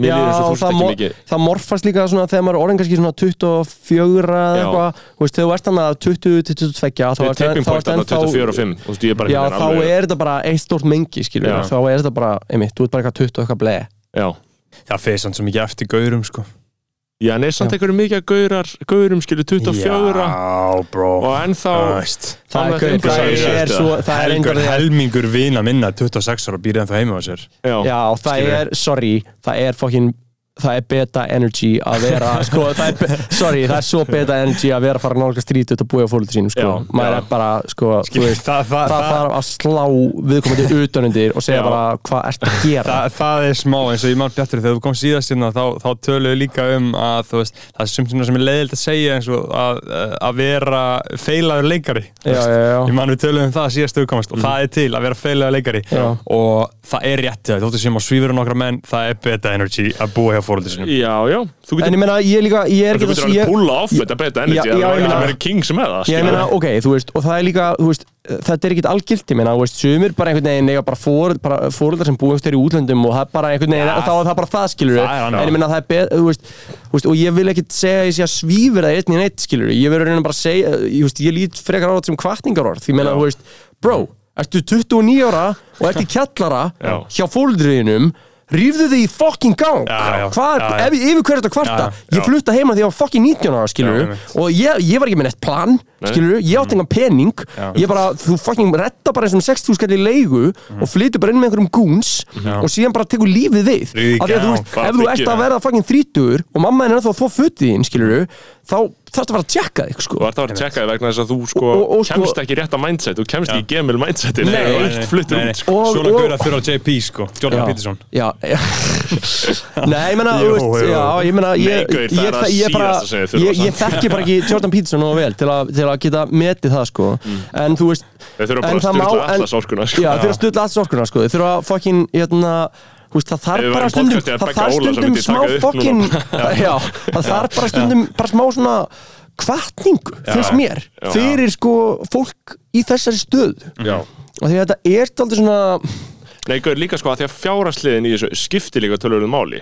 Eftir að ég flutti út og ég þurfti að byrja að borga reikninga, skilur Já, já. það breytti algjörlega hvernig ég hugsi um lífið, sko. 100%, Já, þetta breytti alveg átlökinu bara, að ok, fuck, þú veist þetta er bara hérna, líf ég er sjálfstæður skilur, fattur og þetta, þú veist, þetta kemur ekki nema og sett komin í aðstæðuna, skilur Já. og þetta getur algjörlega haft alveg breytandi áhrif á lífið, bara hvernig þú hugsa um lífið, Ég meina, ef að þú sko ert byrjaðan hjá fóldrinum þú ert að vera þrítugur þá að öllum líkindum, skilur ekki hann í öllum, en að öllum líkindum þá ertu með eitthvað svona að þú, þú gengur ekki frá eftir þig, Já. eða þværið ekki þvottiðin, eða Þú eitthvað þannig Eitthvað-. Já, þú ert bara eitthvað bann hjá mömmuðinni, skilur Valdalaus fucking aumingi. Já, þú munt ekki kynnast því hvernig það er að vera sko mældli fullorðin fyrir, fyrir en þú flyttur að heiman og einmitt þarfst að gera svo hluti eins og bara eitthvað, borga reikninga og hafa bara eitthvað fokkin, þú veist lífið er ekki þægilegt, skilur lífið er ekki eitthvað bara að bara valsa niður í hérna fucking hverskutuna og ég er bara eitthvað happy jolly að fara í vinnuna skilur Einmitt. það er bara fucking bara bro, veistu hvað er veistu hvað, sko, maður þarf að leggja mikið á sig til að púla þetta shit, bara eitthvað að kaupa einhverja fucking íbúð og borga einhverja reikninga og vera bara einhverju vinnu Viðbjóður. og vera bara áræðanlegur skilur, þetta er erfitt sko, þetta er bara ekki, þetta er ekki eitthvað þú veist, þetta er ekki walk through the park sko En á og sama tíma er þetta náttúrulega fyllingin í lífinu, skilur, er þetta ekki? Jú, Ég meina- þetta er líka fyllingin í lífinu og þú veist, minnst líka sko, þú veist, ég veit ekki hvort við höfum skrifað þetta niður sem umræðefni fyrir þáttinn að þú veist að, þú veist, það er svona kannski smá svona tendens finnst mér hjá svona fólk á okkar aldrei sem er að tjá sig eins og svona hluti bara veist, eins og bara megi bara ekkert vera erfitt skilur Já. af því að þú veist, að fólk er er að sleppa öllu sem er erfitt. Já, ég meina, ef þú sleppir öllu sem veist erfitt þá myndu aldrei lifa lífinu, sko. Nei. Þú veist, það er bara þannig, skilur þú veist, bara eins og, bara Jóhann besti vinnum minn, skilur hann bara er að, eign, hann var að eignast batt, skilur hann er búin að vera með huga, svon sinn bara hann og Alma, skilur, bara búin að alveg huga núna í átta mánuði. Og ég er bara búin að vera að tala við þau og þú veist, þetta er náttúrulega bara geggjað hjá þeim, skilur og bara, þú veist, bara því lík hamingja og ég elska að fara til þeirra og hitta huga og bara, þetta er dásamlegt. En þú veist, þetta er líka bara ógeðslega erfitt. Bara, þau bara ná ekki að sofa nógu mikið, skilur og ég menna, veist, það er svo mikil tími sem náttúrulega bara fer sko frá því að geta verið að vinna eða bara vera að hanga með vinunum það er svo mikið sko, svifting á lífinum hans úr því að vera bara dálítið svona að hugsa um sjálfan sig kannski aðeins að hugsa um makan sinn yfir í að vera bara eitthvað, herrðu, ok nú er ég bara mannesku sem ég ber ábyrð á næstu fokkin átján árin. Og þú veist, það 18 er bara years, það er bara 18 súrt og sætt, skilur það er bara geggja stundum og stundum er það bara fokking erfitt, sko. Já. hlutir eru erfiðir, sko. Já, sko mm, Mér finnst alltaf Mér finnst það erfitt sko að að, að, að finna hvar mörkin eru sko, vegna þess að við erum alltaf með eitthvað svona, þú veist, uh, þú veist við erum að skilgreina eitthvað svona sásugamörk í samfélaginu en það bara, ok, lífið er auðvitað helviti einhver leiti, þú veist, Já. bara þetta er það, bara samfélagið einhvern veginn er bara þannig að líf flestra og alltaf hafa ekki alltaf verið þannig og alltaf, alltaf mun ekki bara alltaf verið þannig, skilur allir eru óöryggir, skilur, Eða, skilur, Þú getur, ko- collective consciousnessið er að verða síktara og síktara Já. skilur, fólk er að verða svolítið órugara, kviðnara og meiri aumingjar hægt og rólega meira og meira. Er það að Getur því að umhverfið hefur verið skilur þannig að það segja okkur að hlutin er ekki að vera erfiðir, þú veist, er það orsök? Er það Nei, veldur að því að við þú veist, sérstaklega á Íslandi þú veist, þá er þetta harka af sér orkan sko, hún náttúrulega var, er búin að vera ráðandi þú veist, bara í, í gegnum bara sko aldir á Íslandi Mhm. bara, ertu aumingi, skilur þú ert bara sjó og bara, ef þú ert ekki bara mættur á vaktina þína, þá bara, já ok, ertu aumingi, skilur Já. og þú ert bara slegin og bara niðurlæður, skilur Mhm. þannig að, þú veist, auðvitað erum við kannski þá núna að fá smá svona svona mótspyrnum með því og, og það er eðlilegt að það fari skilur bara þú veist á einhvern stað og bara verði svona einhver umræði kring það en þú veist síðan er þetta náttúrulega bara svona einhver millivegur sko. En það er auðvitað mikilvægt sko að, að, því á, að, að sko á meðan við segjum þetta sem er, ég er veist, og, og, og mér finnst að þessi skilabóðu skilur sem við erum að tala um, þú veist, um að ef þú ert orðin eldri en þú átt að vera og ennþá á ábyrð fóruldræna mm Mhm. horfðu þá í eigin barm, eða líkt í eigin barm og skilur gerðu eitthvað með lífið. Þetta Já. eru skilabóð sem ég vil að komist til þeirra sem það á við, skilur, og síðan eru aðri sem eru bara einhvern veginn í þeirri stöðu að Já, bara gera ekkert, sko. líka bara Já, já. þegar maður er að segja þú veist, ég er að segja þetta dæmi Mhm. ég er, sko, þú veist, ég þekki marga sem bú, bara margina mjög góðum vinum mínum búin Já, að já. fóruðu sínum Ég- og ég er sko. ekki að fokkin dæma neitt, skilur, ég er bara að segja, sko veist, ég, ég reynir bara að reyna að vera, vera kveikindi, eins og já, þú sagði algjörlega. maður, þú veist, Já. bara if you wanna make the world a better place, sko, better Mm. look at yourself and then make the change á En- það MJ En sko það sem ég hugsa hann samti ekki þetta lag, by the way, sko Ekki Nei, þetta er ekki hans orð þetta er, þetta er ekki hans orð, sko. En sko- Nei, en ég er að segja, skilu, aðstæður fólks þurfa að vera auðvitað efnahagslegar, eh, efnahagslega þarf fólk að vera í stöðu til þess að, sko, Já, hei, við meðum ekki bakka út úr þessu. Við meðum ekki bakka út úr þessu. efnahagslega í stöðu til að hvað? já, bara til þess að 60 skalla mánuð, það er allir stöðu til þess. Bro, ég var- eins og ég sagði, skilur, Ef ég- þú getur búið heima á fóreldrin er þið nú, nú þegar nóg rík út 26 ára, Já, hvað ég meina? já. Það er engar efnahagslegar Það, afsakanir það, er reyndar, er rétt að teiki sko, en Já. ef þú getur verið það, Já. þá þýðir að þú geta, er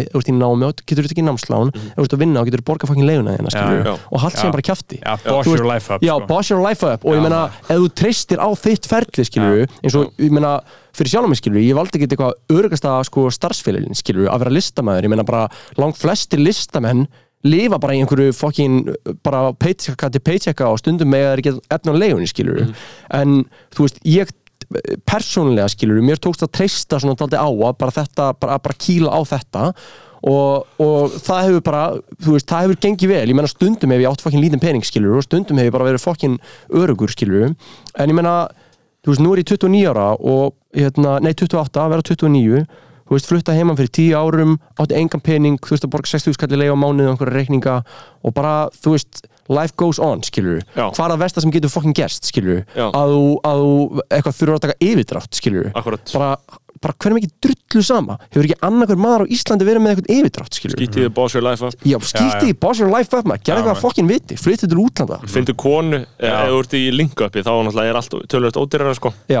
já, ég meina Ek, ekki svona settla skilur Nei, Fattar bara, já, já, bara, er. já, bara, þú veist, bara, já, finna sér maka, skiluru, ef maður er í þeim pæningum hvað, við erum bara að bara, bara, bara, bara, bara að tala við gauðra Við erum að sklúta gælur Já, ég meina, ég, Við ég Nei, ég meina, við erum, við erum allir gauðra, skiluru, ég meina, og við erum að tala er út frá, við erum að tala út frá reynslu heimi This is kalla podcasting, the great old og ég meina, tradition. og, þú veist, og þegar ég er sérstaklega ef ég er að tala um þetta, skiluru Mhm. þá, þú veist, jú, vissulega er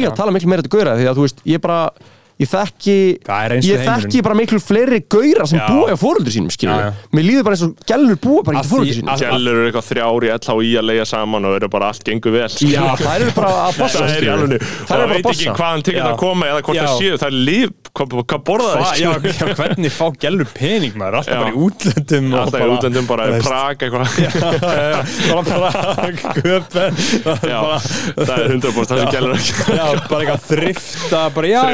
Já, bara, það er 100% það sem gjellur ekki já, bara eitthvað þrifta bara já, ég var að fá Þrifta, mér þrjá 100%. nýja jakka bara. Já, 100% Og fötin þeirra kosti ekki shit sko En samt er þetta einhvern veginn designer sko. Já, samt er þetta eitthvað illa shit en Já, sko, nei, ég meina, ég, ég hef búin að vera með bríðum mikið síðust dag, sko, og hún hérna, náttúrulega er í síningunni, sko, og hún, sko, ég var eitthvað, síndin eitthvað tösku einhvern tímann, eitthvað sem ég var að pælja að köpa mér, ég var að pælja að köpa mér eitthvað, fendi svona tösku, og ég var eitthvað, að þetta er gæðið taska, hérna, hvað, hérna, ætti ég að kaupa hana, og, og hún var eitthvað, það er dýrt, það er dýrt, og ég var eitthvað, hvað, myndið þú ekki kaupa þér eitthvað svona dýrt? Nei, ég myndi frekar bara að kaupa mér svona 30 flíkur fyrir Já. þennan pening Já. einmitt.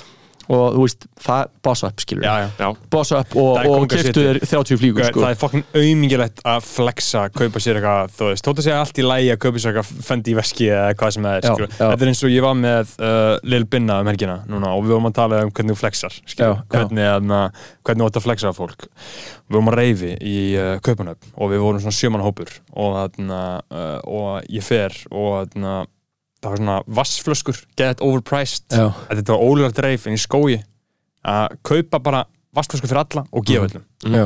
þá fóru að tala um, þetta er miklu betra flex en að með Gucci belti já já, bro, Skilurðu? miklu betra sko. þetta er flexið sem þú átt að gera, bara gefa frá þér bro, með Gucci Skilurðu? belti og þurra hút Já, sko, þú veist, já. bara ég meina snorri, áttu ennþá Gucci belti Á ennþá Gucci belti. ég fokkin seldi það sko.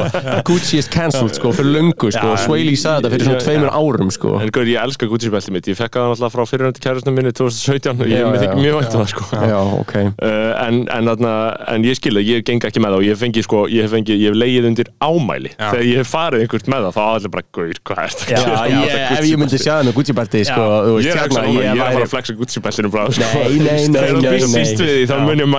beltinu með það er sko, það þyrst einhver að fara með þig í fokkin búðaferð og að dressa þig upp sko, því að ég held að þú sést alveg ófærum að gera það sjálfur sko, Já, ég- ég sá myndaðar eitthvað djammur um helgina í einhverjum, einhverjum gráum jakka og einhverjum svona hvítur neftu Ha, niður með reistur um bjór. Það var því að vera sitt í fucking symfóni í tónleikunum ykkar og síðan ég, fór ég bæinn beint í kjölfari þess vegna var þetta allt saman innan marka sko. en sko talandi um það þá er náttúrulega uh, þá eru mjög viðsjárverið tímar í gangi á þeim vettvangi í, í klæðnaðinu vegna þess að þú veist, núna vinn ég hjá Corporate Media Já. þú veist, og þar er bara þú veist, þar er að því að fólk segir eitthvað svona bara fyrst erum við að tala um þetta fólk segir eitthvað svona, já, gaur, þú veist, þú þarft ekki að vera í þegar þú ert í sjónvarpinu, skilur og ég eitthvað svona mm, þú vilt samt ekki að sá sem hún sér í sjónvarpinu sé ekki í jakkafötum. Einmitt. Skilur, fólk veit ekki alveg hvað það vill. Jú, En ég meina- en meina, ertu- en- en í þú ert bara- Jú, jakkafötum. þú, bara, þú En- heldur, en þú, þú ert bara með á þú með einhverja heimskulega hugmyndir í haustum um að þú viljir ekki hafa hann jakkafötum. Þegar þú ert síðan að horfa sjónvarpið þá vilt ekki að ótti sig bara í veiðipeysinu sinni sko. En ég meina Jú, jú. þegar þú ert Nei, svo jú.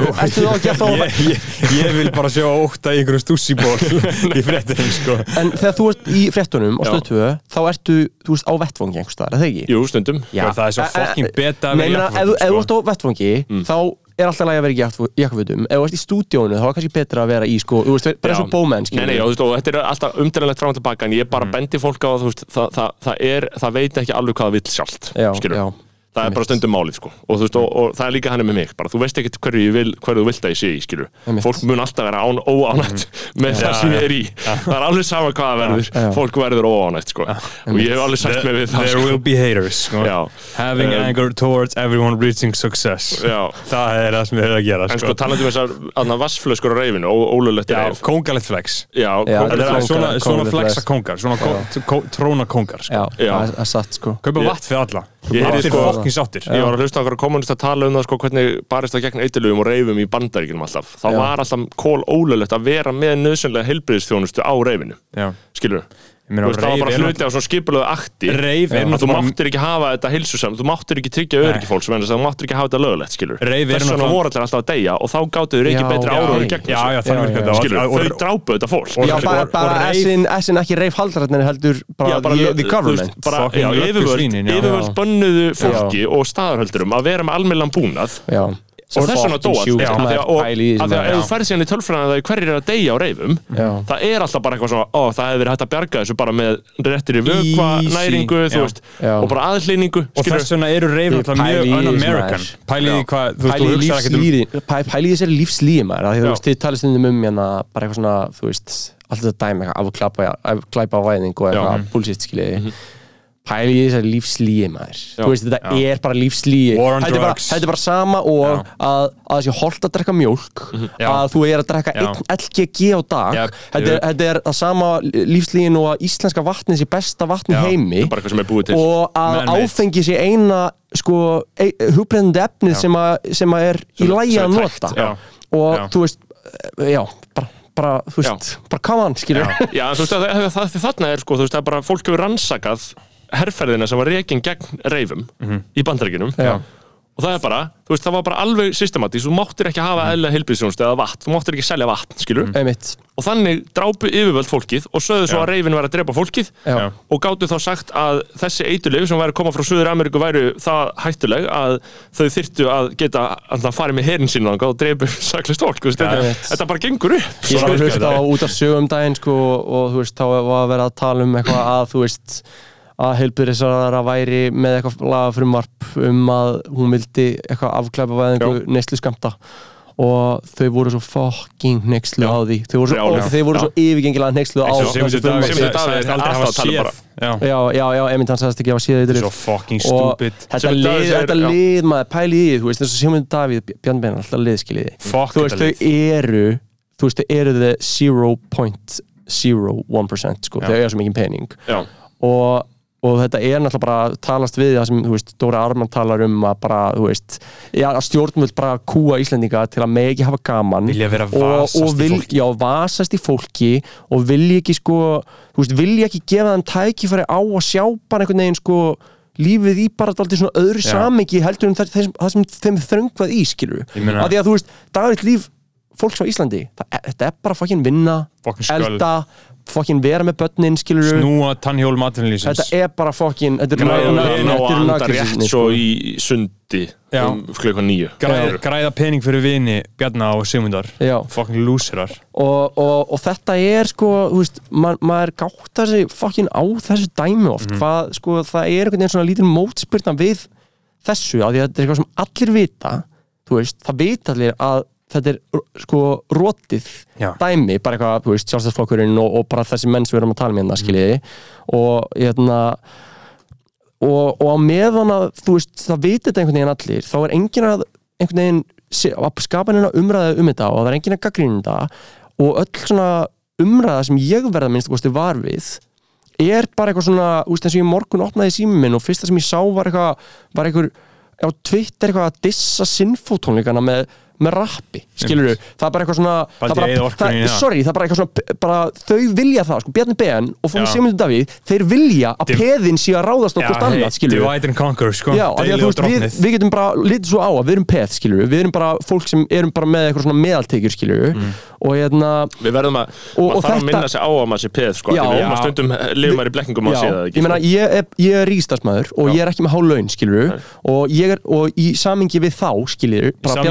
ég ég ég ég ég við þá, við er ég peð. Ekki við alvöru peningana sko. Já, í samingi við alveg peningana, þá er ég peð. Og ef það er síðan einhver annar, skilur á mínu leveli, sem er síðan bara eitthvað að dissi eitthvað sem ég er að gera eða eitthvað þannig veist, það er það sem þóknast fokkin Bjarnar Ben, skilur Já, já. og auðvaldinu að peðin sé að ráðast á hvort annað og þá er bara kongurinn fokkin slagur þú veist, aftast á tarpuninu, sko. Þannig gerðu nýlendahörðununa, þeir fóru á nýlenduna tóku kúaða hópin, þú veist það er alltaf eitthvað bíf á milli, það eru tveir hópar sem áttu heima á eiginni Þeir þeir, þeir, tóku ættbólkin sem var aðeins kúaðari Já. gaf þeim byssur, gaf þeim völd og let þá sigra, leiði þeim að fá að hefna sín á ættbólkin sem þau voru í bífi við Já. skilur, Já. bara deilið og drottnið Bjarni, sagði reyndar um symfótónleikana ný klassík og symfó í gær flottir tónlistamenn sem síndu að þeir kunna meta og hafa áhörundir í sal og frábær hljómsveit. Vá, hvað er ömur að teik Nei, þetta er samt segja eitthvað. Nei, þetta er nefnilega ekki, þetta, er politist statement sko, hann er að segja að listamenn sem kunna meta hafa áhörundir í sal, þetta er svona frelsis fríða COVID skilabóð sko. Já, ég meina, er þetta ekki bara, þú veist, er þetta ekki líka bara eitthvað svona upptaktur fyrir hann í, í kostningar Jú, að vera bara eitthvað, að vera bara eitthvað svona jákvæð, bara eitthvað já, bara vá, gaman, Já. fara tónleika, gaman að sjá þetta unga hæfilegir eitthvað fólk, Nei, og líka bara, þú veist, mér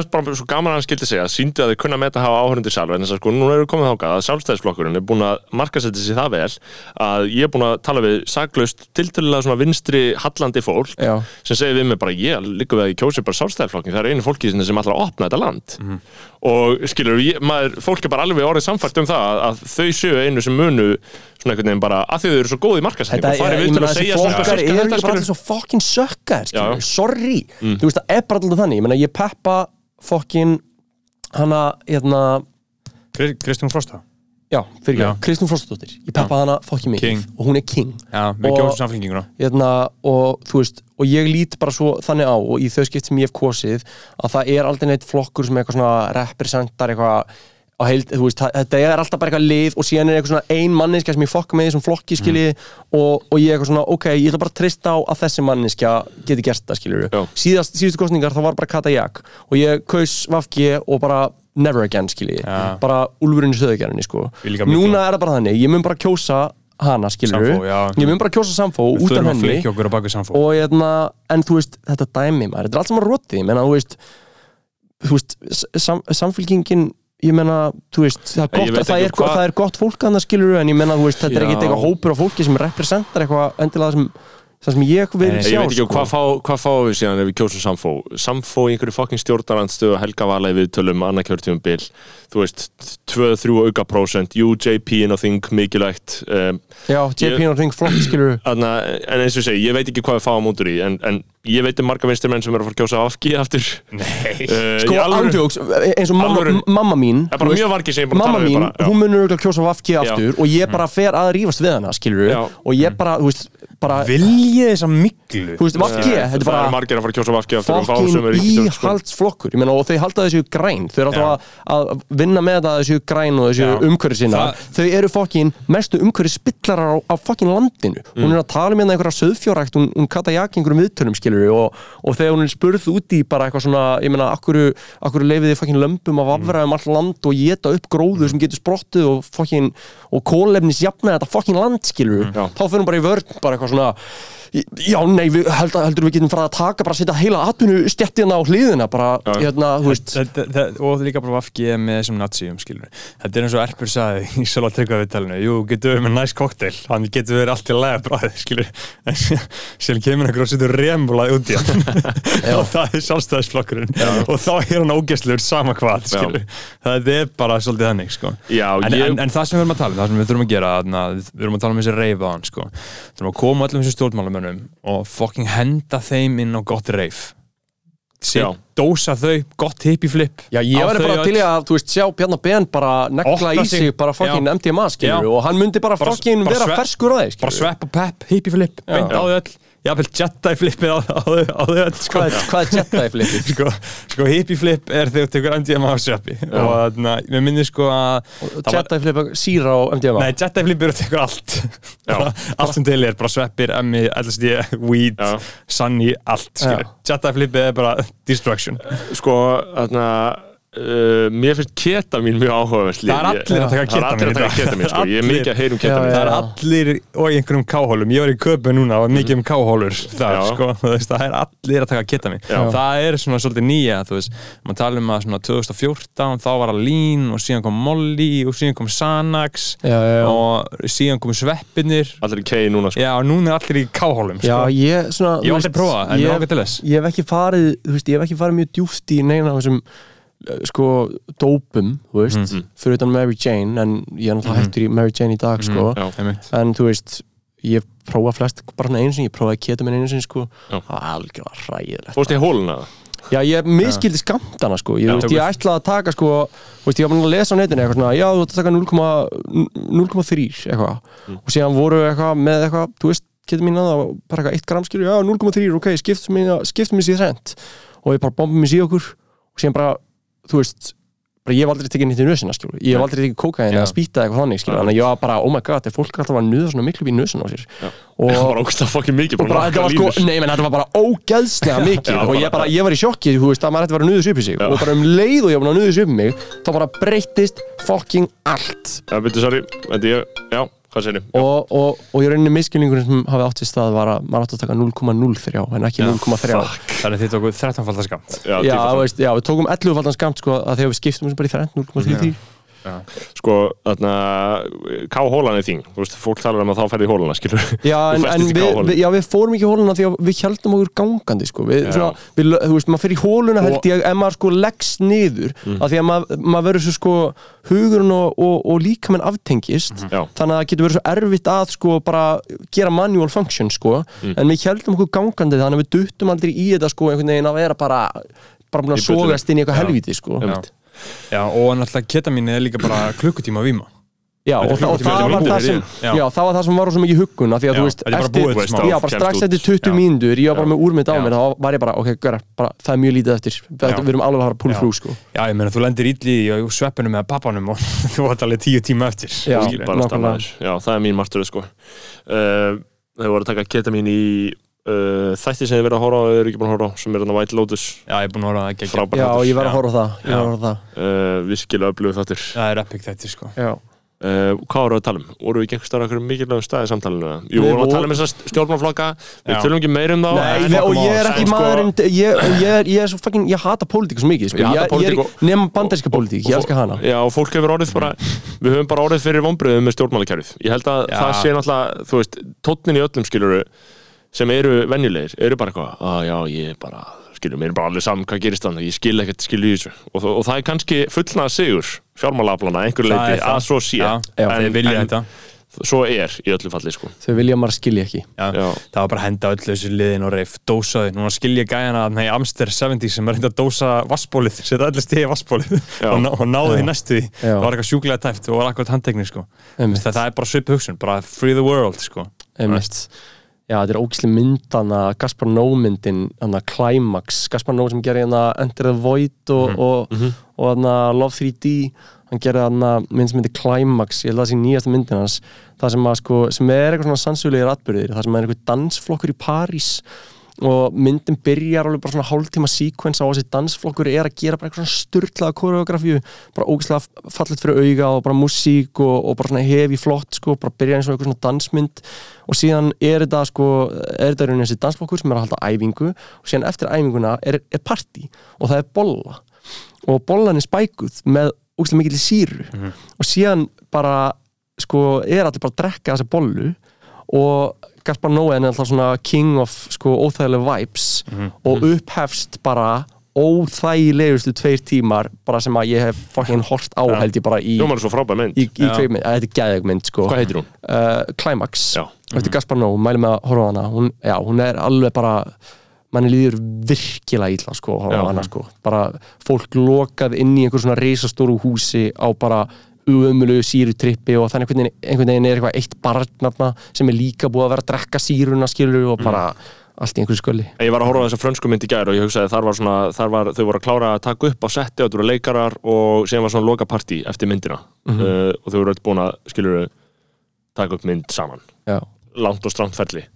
Og ég hugsaði, mér finnst þetta, þú veist mér finnst þetta einn af skemmtilegu hlutunum í lífinu það er svona, þegar eitthvað er að klárast eða veist, það er eitthvað svona verkefni, eitthvað svona stór hópur Mhm. þú veist, ég get séð fyrir mér að ég væri mjög spenntur fyrir svona partí uh, ég, væri, ég fór í ég þannig enda einhver, einhver sets eða Já, veist, já, ég já. enda skólaárs eða eitthvað svona, ég elska þannig partí sko. Já, ég finnst að það sé þá sem partí yfir í, haldin sko. í pjúra peak COVID í, á Siglufjörði, ófær þrjú partí Já, það Já. var, var ekki rap-partí en það var svona uh, vikufrí partí eða eitthvað Já, svona já, já, og það einmitt. voru allir náttúrulega kvikmynd að gera fólk er frekar, frekar sko. skölla lið sko.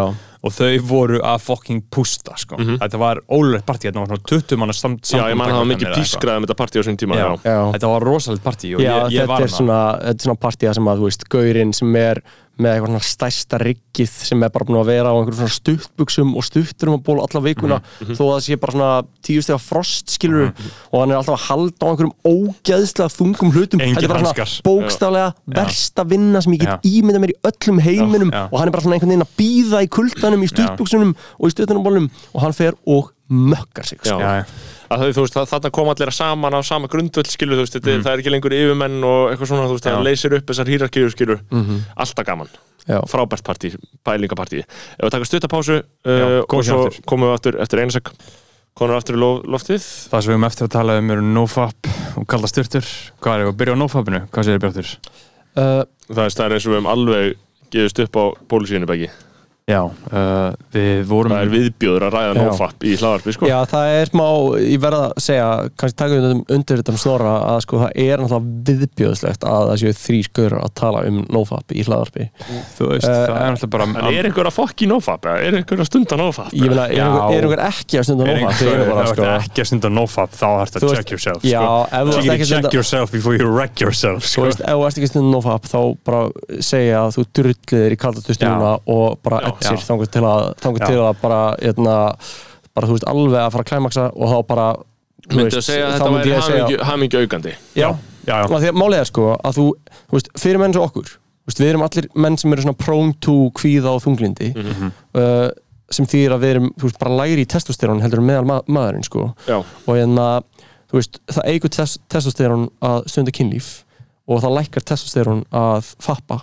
Það, nei, menna, það er bara fakt er þetta faktin málið Að- það? að- ég, ég held að þetta sé uh, ég held að þetta sé the bro science. Já, er bro science. og að- líka bara eitthvað, þú veist, ok ég meina, snarri, ég myndi það bara eitthvað að þú að lappa inn í ræktina og þú ert búin að vera bara 90 daga nofap king, skilur Já, bara- 90 dagar- 90 dagar nofap alpha beast sko, 90 já. daga nofap alfa beast, búin að vera að fara í bara í kaldasturtur, búin að vera að lifta ímyndaðar orkuna sem þú sendur út frá þér ímyndaðar hvað já. er fokkin væbrant og stinn orka á Mhm. meðan að þú ímyndaðir síðan bara eitthvað svona einhver gaur sem vaknaði horfð á klám og hérna, fappaði og mætti sín í rektina Já. ímyndaði hvernig líkamsholningin á honum er Já, já. ímyndaði Það er- skömmina sem hann ber með Gaur, bara í líkamanum það sko. er fucking Ingo Viðurguð holningin sko. Ná, Já. það er eitthvað verða, sko. Ingo er með alfa orku, held ég, sko, þegar hann mætir rættina. Ja, ég, en ég, ég, ég hef séð Ingo einu svona í kringlunni Já. og þá þess vegna talaði ég um Ingo Viðurguð holninguna Mhm. sko, þegar hann lappaði í kringluna með svona, svona Samsung Airpods í, í sér fucking þunglindur og þunnur ég og held að, ég það myndi seint segjast að Ingo Viðugur verði með alfa orku sko. Já. Nei. ok, ég, ég fælst alveg á það, ég bara Já. bókstala veit ekki hvað orkan hans er, en ég ætlaði bara að gefa mér það, skilur, Já, já. smá. en. En já, Nei, já, men- já, bara já, ég meina, 100%. Já, þú það meikar veist- 100% sens. Já, það meikar sens, bara einhvern veginn bara svona hvaða væp þú sendir frá þar, því að þú veist, við erum líka bara svona Þetta var er gamla þetta sjálfsflekkun, sko. sjálfsflekkun Já, að- flekka sig. Já, að, að, að, runga sér, sko. já, já, það var Lagsnes Já. skrifaði mikið um flekkun, sko. Já. Nei, já, Sjálfsflekkun. já, þetta er hérna þetta er, þú veist það, við erum löngu búin að, þú veist, það er allir löngu komin á það wave að við getum talað um orku skilur, Já. og bara, Já, bara já. hvaða víbringu sendir frá þér, skilur hvaða væp hvernig þú lappar og hvað þú ert já, sko. bara hvað, Þú hvaða þarft væp ekki þú að ert vera í með kakk og hærinu til þess að velta fyrir þið. Nei, þú þarfst ekki að vera í kakk Nei. hærunni menn þú getur verið bara fokkin sjálfið að tala um þetta shit, Já, skilur og ah, Jú, jú. Jú, því. jú, ég Já. meina, ég meina, þú veist, maður getur alveg verið að tala um orku og það er ekkert skrítið, skilur Nei, Nei, mitt. og ég meina, ef þú ert bara alltaf að horfa klám ég meina, pæl, þú veist auðvitað ertu með fokkin vondu orku, auðvitað ertu brenglaður í haustunum með bara hvernig bara, uh, bara, þú veist bara hvernig bara heimurinn er, skilur Já. þú veist, facts. Mér finnst það. Já, já, er og hvar kemur kaldavatnið inn í þetta líka? Ég, meina, hvað, ég hef verið í köldu sturtu sko. Að því að Ég er er líka þetta ég er bara að talast mér, sko, talast má við sko sem vorum að ræða áðan um að þú veist lífið er ekkit skilur Já. lífið er ekki dansar orðsum, lífið er ekki sko beint þægilegt Mm. þú veist, auðvitað áttu og þú veist, lífið er indislegt skilur og, og, það, og það er sko og það er bara margbreytilegt og allt það en það sem að verður að setja sig við það þú veist, það er, þú veist, þú munt standa frammi fyrir erfiðum hlutum. Þú munt ganga í gegnum sársöka, áföll erfiða hluti og kalda sturtan þú veist, þetta kalda fokkin dæmi. Það er sko, mér finnst það bara fokkin gýrað upp í þetta, því ég meina það er ekki næs við þetta skilur, er ekki, það er ekki þægilegt að fara að gera þetta skilur, það er ekki þægilegt að pína sig að vera eitthvað fimmyndir í kaldapottinum skilur Guldinni kennari sko. The Já, greatest þetta teacher er, of bara, all. þetta er bara, þú bara stígur inn í sársökan og þú surrendar fyrir sársökunum þú leifur honum að fokkin fara bara inn í hjarta á þér skilur og þegar þú kemur upp úr þá ertu svo fokkin sterkur sko. Og, og, þá, og þá, þú veist er þetta sama eins og með nóhapið skilur að þú bara gengur um með þessa bara með þessa orku sem er bara aðlæðandi sem er geistlandi skilur sem að bara sem að allir vilja vera með skilur Já. allir vilja eiga hlutdeild í sko. Já, ég, ég fíla mjög mikið sko aðna, og, og by the way, ég er ekki eitthvað dýp í einhverju svona reddit nofap community sko. nei, Þú veist, þetta ég er bara- auðljós sannindi. Þetta hefði geta verið ok. sagt fyrir 70 árum Simple ekki Skilurðu? simple science. hætti að rungaðir, Já. hætti að vera heima þú að vera veist, rungaðir Já, ég meina það er slörr að vera rungari Já.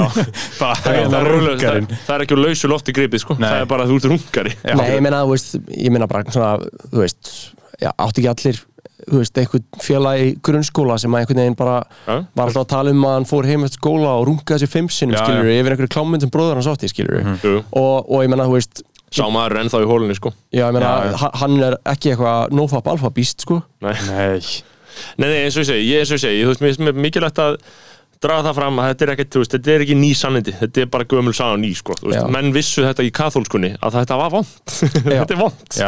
En, Þú en, en, eins og við tölum um í síðasta uh, bræðlagstætti sko, þá er náttúrulega svolítið backfæra, backfæraði nófapstefna katholsku kirkjunar svolítið. Já, í barnanínu, já, Já. það var ákveðin viðskilningur sem spratt af því, já, já, já, já, já, Við viljum ekki, en við höfum lært af þeim mistökum, og við erum með nýja nófafstændi. já, það er ný nofap stefna, sko. Um, en, af uh, því að no, nófaparar sko að þeir megi alveg stunda uh, hvað maður að segja, mök. Já, ef þeir kjósa svo, Já. þá Já. er þeim það ef, sjálfsagt sett. ef þeir eru svo hefnir Já. Að hafa það að, að, hafa hafa, hafa það plattform sko. Já, þá, og, og, og, og þú veist stunda mög ekki bara einhvern veginn fyrir sjálfan sig, skilur þú veist, það er líka það sem að fappið er svo svona, svona þú veist, það er einhvern veginn sem ekki fappið að þú ert bara einhvern veginn einn að kreist einhverju út, skilur Já, þú veist, þegar þú ert í þú veist, fallum ástralótum, skilur þá ertu í samtali, skilur og þú ert að, hérna, engagea við einhverja manneskju, skilur í þú veist, á einhvern mjög svona viðkvaman og, og tilfinningar einhvern hátt, skilur og það er eitthvað sem er sko, ég held að Það en að sé, hitt. ég held að sé uppbyggjandi, sko. Eðlisólíkt, já, það er Eðlisólíkt. uh, Og svo er það, er, er það öndunæfingarnar. Eru þið líka í þeim? eða- Wim Hof, hverjum eins og degi. Já, ég er, ég, ég er ekkert í því okkur minnast stegi, ég, er- ég, ég huglega okkur minnast stegi, sko, Mhm. en þú veist, ég hef alveg verið í þessu Wim Hof dæmi, þetta bara tekur svo mikið á maður, þetta er svo það. erfitt. Þetta er svo mikið king shit Gauður, Aldrei gerir prófað þetta sko Herru, ég er að hugsa um að byrja að fara í jóka, hot jóka, er það eitthvað?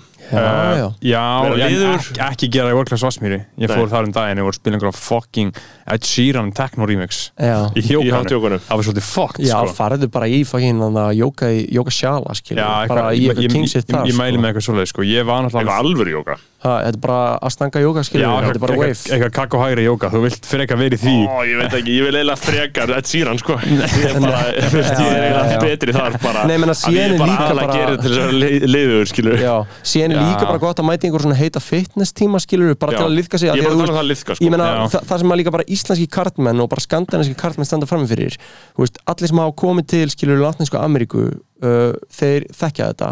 Maður mætir hann á klúb skilur þú heldur þú sérst eitthvað hot shit að þú veist eitthvað blond skilur og með bláu augu.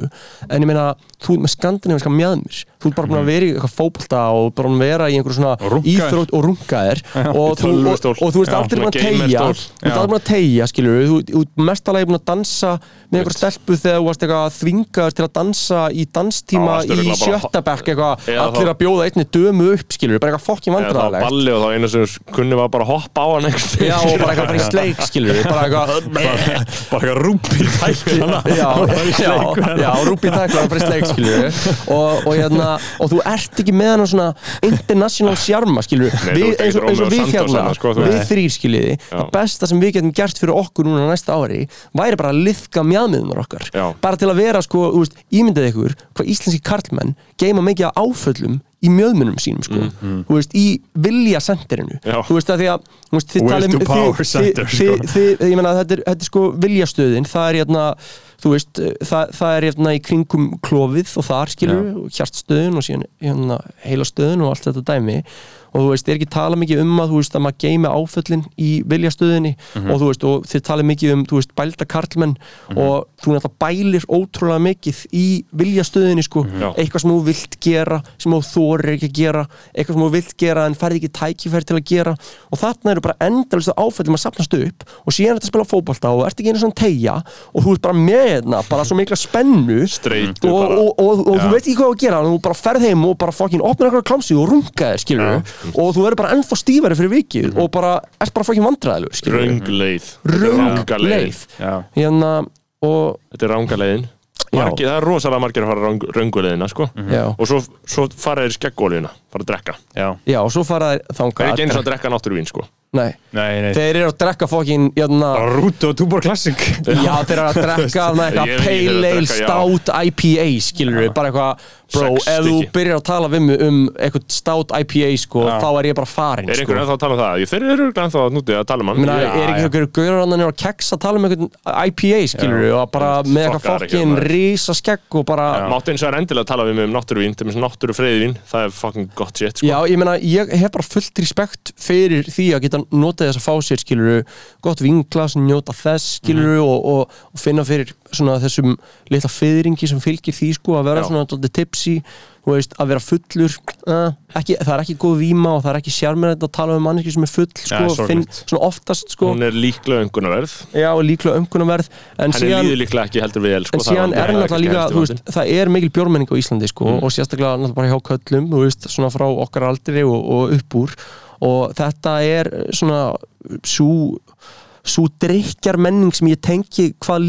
sko, hvað minnst við því ég tengi alveg við þetta svona náttúruvín ég tengi alveg við eitthvað svona smá að vera eitthvað svona kaffi veist, það er ekki eitthvað brjálaðast sexy að vera eitthvað svona kaffiperri skiljur, að, að eitthvað svona að þekkja munin á einhverjum bönum og eitthvað. Er meina gott kaffi, gott kaffi, það er bara Já, en þú veist, sorry, bara eh, fyrir þá sem er að hlusta hérna, sem eru með fokkin, hérna, bara IPA upp í hilli á sig, Já, sko. þarf ekki að Heima beina á foreldrum sínum. Já, já, að bara, byrja á já, bara heima á fólöldu sínum með IPA upp í hillu, Já, sko, bara, hérna, svona, bara volga flöskur já, bara bombaðir í kalda sturtum aður, jésús. Já, já farið í kallastyrstu Já.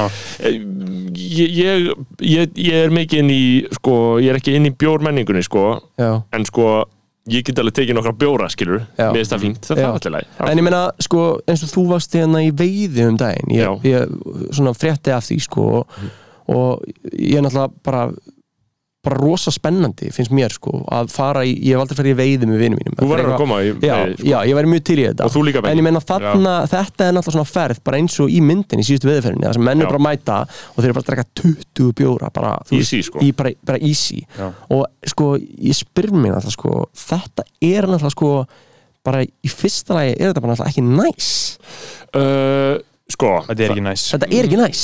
Nei, nei, ég get alveg fallist á það sko. En þetta er samt, þú veist Það, það er augljóslega Ef allir kings eru eiginlega alltaf að gera þetta Þá er alveg augljóslega eitthvað við þetta, skilur já, uh, Og ég sá það alveg strax að það er alveg eitthvað við þetta Þetta er mjög gaman. Já, ok. Uh, þú finnur ekkert fyrir áhrifum af, af áfenginu sko. þú veist, þú verður það þú, Þú hættir að vera fullur eftir einn dag sko, já, einmitt. svo ertu bara komin í eitthvað mög skilur og þú Já. veist, bara Þú ert bara slompaður einhverju á bara já, dettur já, í en, hana en og... þú get, getur líka alveg skemmt þér alveg jafn vel edru sko Já, Þú veist, ég trúi alveg- því nefnilega sko Ja, þú, veist, þú myndir örgulega skemmt það betur og getur mætt af fucking morgunvaktina niður í á skilur Já, já. og Ég myndi, vera edru En, 100% en þú veist, þú, þú verður bara komið með bara fucking flugun út í ána, skilur með að stóna lags Já, Gaur, allt sem er skemmtilegt fullur er líka skemmtilegt er og ég meina líka bara Áfengi bara- er sko mesta tálsín sem til er og það aumingjalegasta sem að hægt er að láta út úr sér er að geta ekki gert eitthvað edru Já, Skilurðu, og að bara, sorry líka bara fara í bæinn, þú veist, maður er þú veist, ég var, þú veist, ég hérna, þú veist, bjói hérna náttúrulega bara með tveimur, sko uh, vinum mínum, bara þegar ég var hérna á mínum svona 20, early 20s árum, sko, og fóð bara mikið að djamma, þú veist, Mhm. og bara var að drekka og bara ekki að víta og eitthvað svona uh, þú veist, það er langt skemmtilegast að vera etru á djamminu, sko, það er langt áhugaverðast, sko, Já. og það er langt, skilur þú, þú veist, þú færð, þú færð mest út úr því að fara verið að make a etru á djammið, sko Já. þú getur Já. alveg mega move, skilur og þú getur bara, þú veist þú getur bara, þú átt jákvæður upplifun, sko. Já. þú ert að gera eitthvað, þú ert að byggja eitthvað upp þú ert einhvern veginn að reyfa í einhver átt og það verður eitthvað úr kvöldinu sko. já, finnst mér sko, og, og þú getur skýrta betur fyrir sjálfu þér sko, hvað átti þessi stað, hverju voru hvar hverju, hva, hva, hvað hafið þýðingu. Já, þú getur sett hlutina betur í eins, samingi og, ein, eins og ég upplifði það ég talaði um það na, einhverjum brælastætti þegar ég fór reyfið á Guðunes og tók sveppi og MDMA og, na, og það var bara best sem ég eitthvað gert á æminni núna var ég í Kaupanahöfn uh, bara um helgina og fór á reif. Ekki, ekki, ekki jafn epic skilur, þetta var ekki jafn góð, góða græður og góð ljós og góð DJ-ar en samt ókíslega epic, ekki snilt og ég var bara fullkomlega full blast edru já, skilur, já. og skemmti mér alveg vel en, en þú veist, ein skemmti mér spurning. já, ég trúi því, ein spurning, þú varst nú að tala um einhverja stínuferð, fórstu og. Já. nokkaðar hassjónu eða? Nei, ég, ég, ég, þeir, þeir vildi ekki, strákarnir, vildi ekki smoka hass, en Já. þeir vildi smoka weed. Og ég ákvað bara, ok, ég ætla að prófa að smoka Já. og fattaði um leið og ég tók hitt ah shit, here we go again. Þetta er Þetta er já, Ég fattaði bara um leið. En, en málið, ég náði bara hashtag mindsetta mig Já, bara mindset, já, já. ég fór ekki þunglindi, fór ekki að kvíða. ég bara, ok, þetta fyrir að vera búið. Tókstu bara einn hitt eða? Nei, reyktir ég- vel. fjóra, fimm hitta eða eitthvað. Og þannig uh, var í Kristjáni og reykt, við reyktum jónunum við vatnið og sáum mann Já. borða hráan, hrátt svínakjöt upp á Oj. póka Oi. maður að borða lík Það, að borða það er típist eitthvað svona sem þú svínakjöt. lendir í ert friðin Já. einhver staðar og sérðu Já. eitthvað svona alveg viðbjóst og það tröflar þig Já, já. E, skilu, þetta var disturbing, ég mun hugsa, að, mun hugsa um þetta eilju en ég, Ég ég, meina, ég, ég, sko- fekk, ég fekk mér fjóra fimm hitta sem þetta þarna- við tekur nautakjötið Já, ég, ég, ég, hugsa, ég Já. hugsaði um Sigmund sko. Sko- þetta var miklu ógæslega það sko. En ég, meina, ég fekk mér þess að hitta Já. uh, Kristjani, auðvitað bara for the culture, por la cultura Já. for kultúren sko, Já. í Kristjani setja virðing á Já, þannig ég þurfti, Já, ég já. þurfti að gera það uh, og fattaði bara um leið og bara, heyrðu, þetta er ekki dóp fyrir mig Nei, þetta er líka, þú veist, weed sko, þú veist, þetta, þetta virkar alltaf fyrir suma Já. Sumir, sko, einhvern veginn hafa mindsetti í að, sko, geta verið í kannabisneðlu, sko. Uh, svona kvíðnir og þungliti menn og við, sko. Þetta er ekki beint fyrir okkur. Nei. og það sem ég tengi líka við þarna er að, þú veist, þegar ég á, á, á svona mínu uh, weed ferðalagi, sko, sem Mhm. ég átti svona frá því ég var tvítur, sko að þá tók ég mjög oft, veist, einmitt langar pásur, sko, kannski einhverja mánuði og, veist, Mhm. Að meira þess að eitt ár einhvern og með eitthvað þess að Dogg gera. Já, og, og, og, og það undantekninga laust einmitt, kalla þegar maður- þegar maður kemur til kemur tilbaka og maður, og maður smóka síðan aftur fyrstu jónuna eftir hérna þennan þessan mánuði eða hvað sem það er það er aldrei léttir það er alltaf sama fokkið skölli Já. og það er svo fyndið Já. og maður er að blekja sig alltaf sko, Já. þú veist, að það sé sko þú veist, maður er að blekja sig með einhver svona romantíska mynd skilur, maður er að hlusta á eitthvað Frank Ocean lag eða eitthvað og það er eitthvað svona þú veist, eitthvað Super Rich Kids eða eitthvað svona, já. Kal, bara eitthvað svona Kaliforníu lífstíl eitthvað að vera innan um einhver pálmatrí í einhverju sundlau, í einhverju húsi eða heilskiluru og, og þú reykir í jónu og bara svona, ah, já, þetta er ekki það næs en gras er eiginlega bara mesta aumingja dóp sem ég veit um, sko. Um, og líka ja, blög, þú ert sko, þú ert það er november og það er mánudagur og þú ert í kallara íbúi hlýðunum sko. Þú ert ekki í Kaliforníu Já, sko. og þetta er að annað þar. Þetta Á- hefur bara aðra þýningu já, já, já, já, þetta Já. hefur bara, bara aðra hlæðslu já, og bara í bara, áfengi er samt meira beta en weed já, já, ok, áfengi er meira peta en er en það er líka bara útbreytara þú fær að sjá svona tölfræðilegra Já, kannski. og það reynir meira á að það reynir meira á að vera ógeðsla friðin en að vera ógeðsla fullur sko. Já, ég meina, fáið ykkur lítinn skamt af sveppum. Fáið ykkur lítinn skamt af LSD? Mhm. Fucking king shitið. Heið eina sanna king shit Einmitt. Virkar. Nei, gaur, ég fokk ekki því, ég fokka bara í MDMA mér langar að prófa það, skilur, mér langar ekki að prófa Nei, bara, þú, þú um það. Já. Þeir sem að vilja, prófa þetta Gerið það. Og síðan er líka mjög mikilvægt í allar þessi þú veist, dópumræði og gerir það Að- 23, 4, 5 já, nei, já, mér- mér ekki finnst, fyrir þeirnum svona 24 ára. mér finnst líka bara mikilvægast að þú veist, Ég er Að hérna- því, 25 að þú veist sko, að því að það er fullt af fólki sem hefur ekki áhuga á að prófa að taka dóp.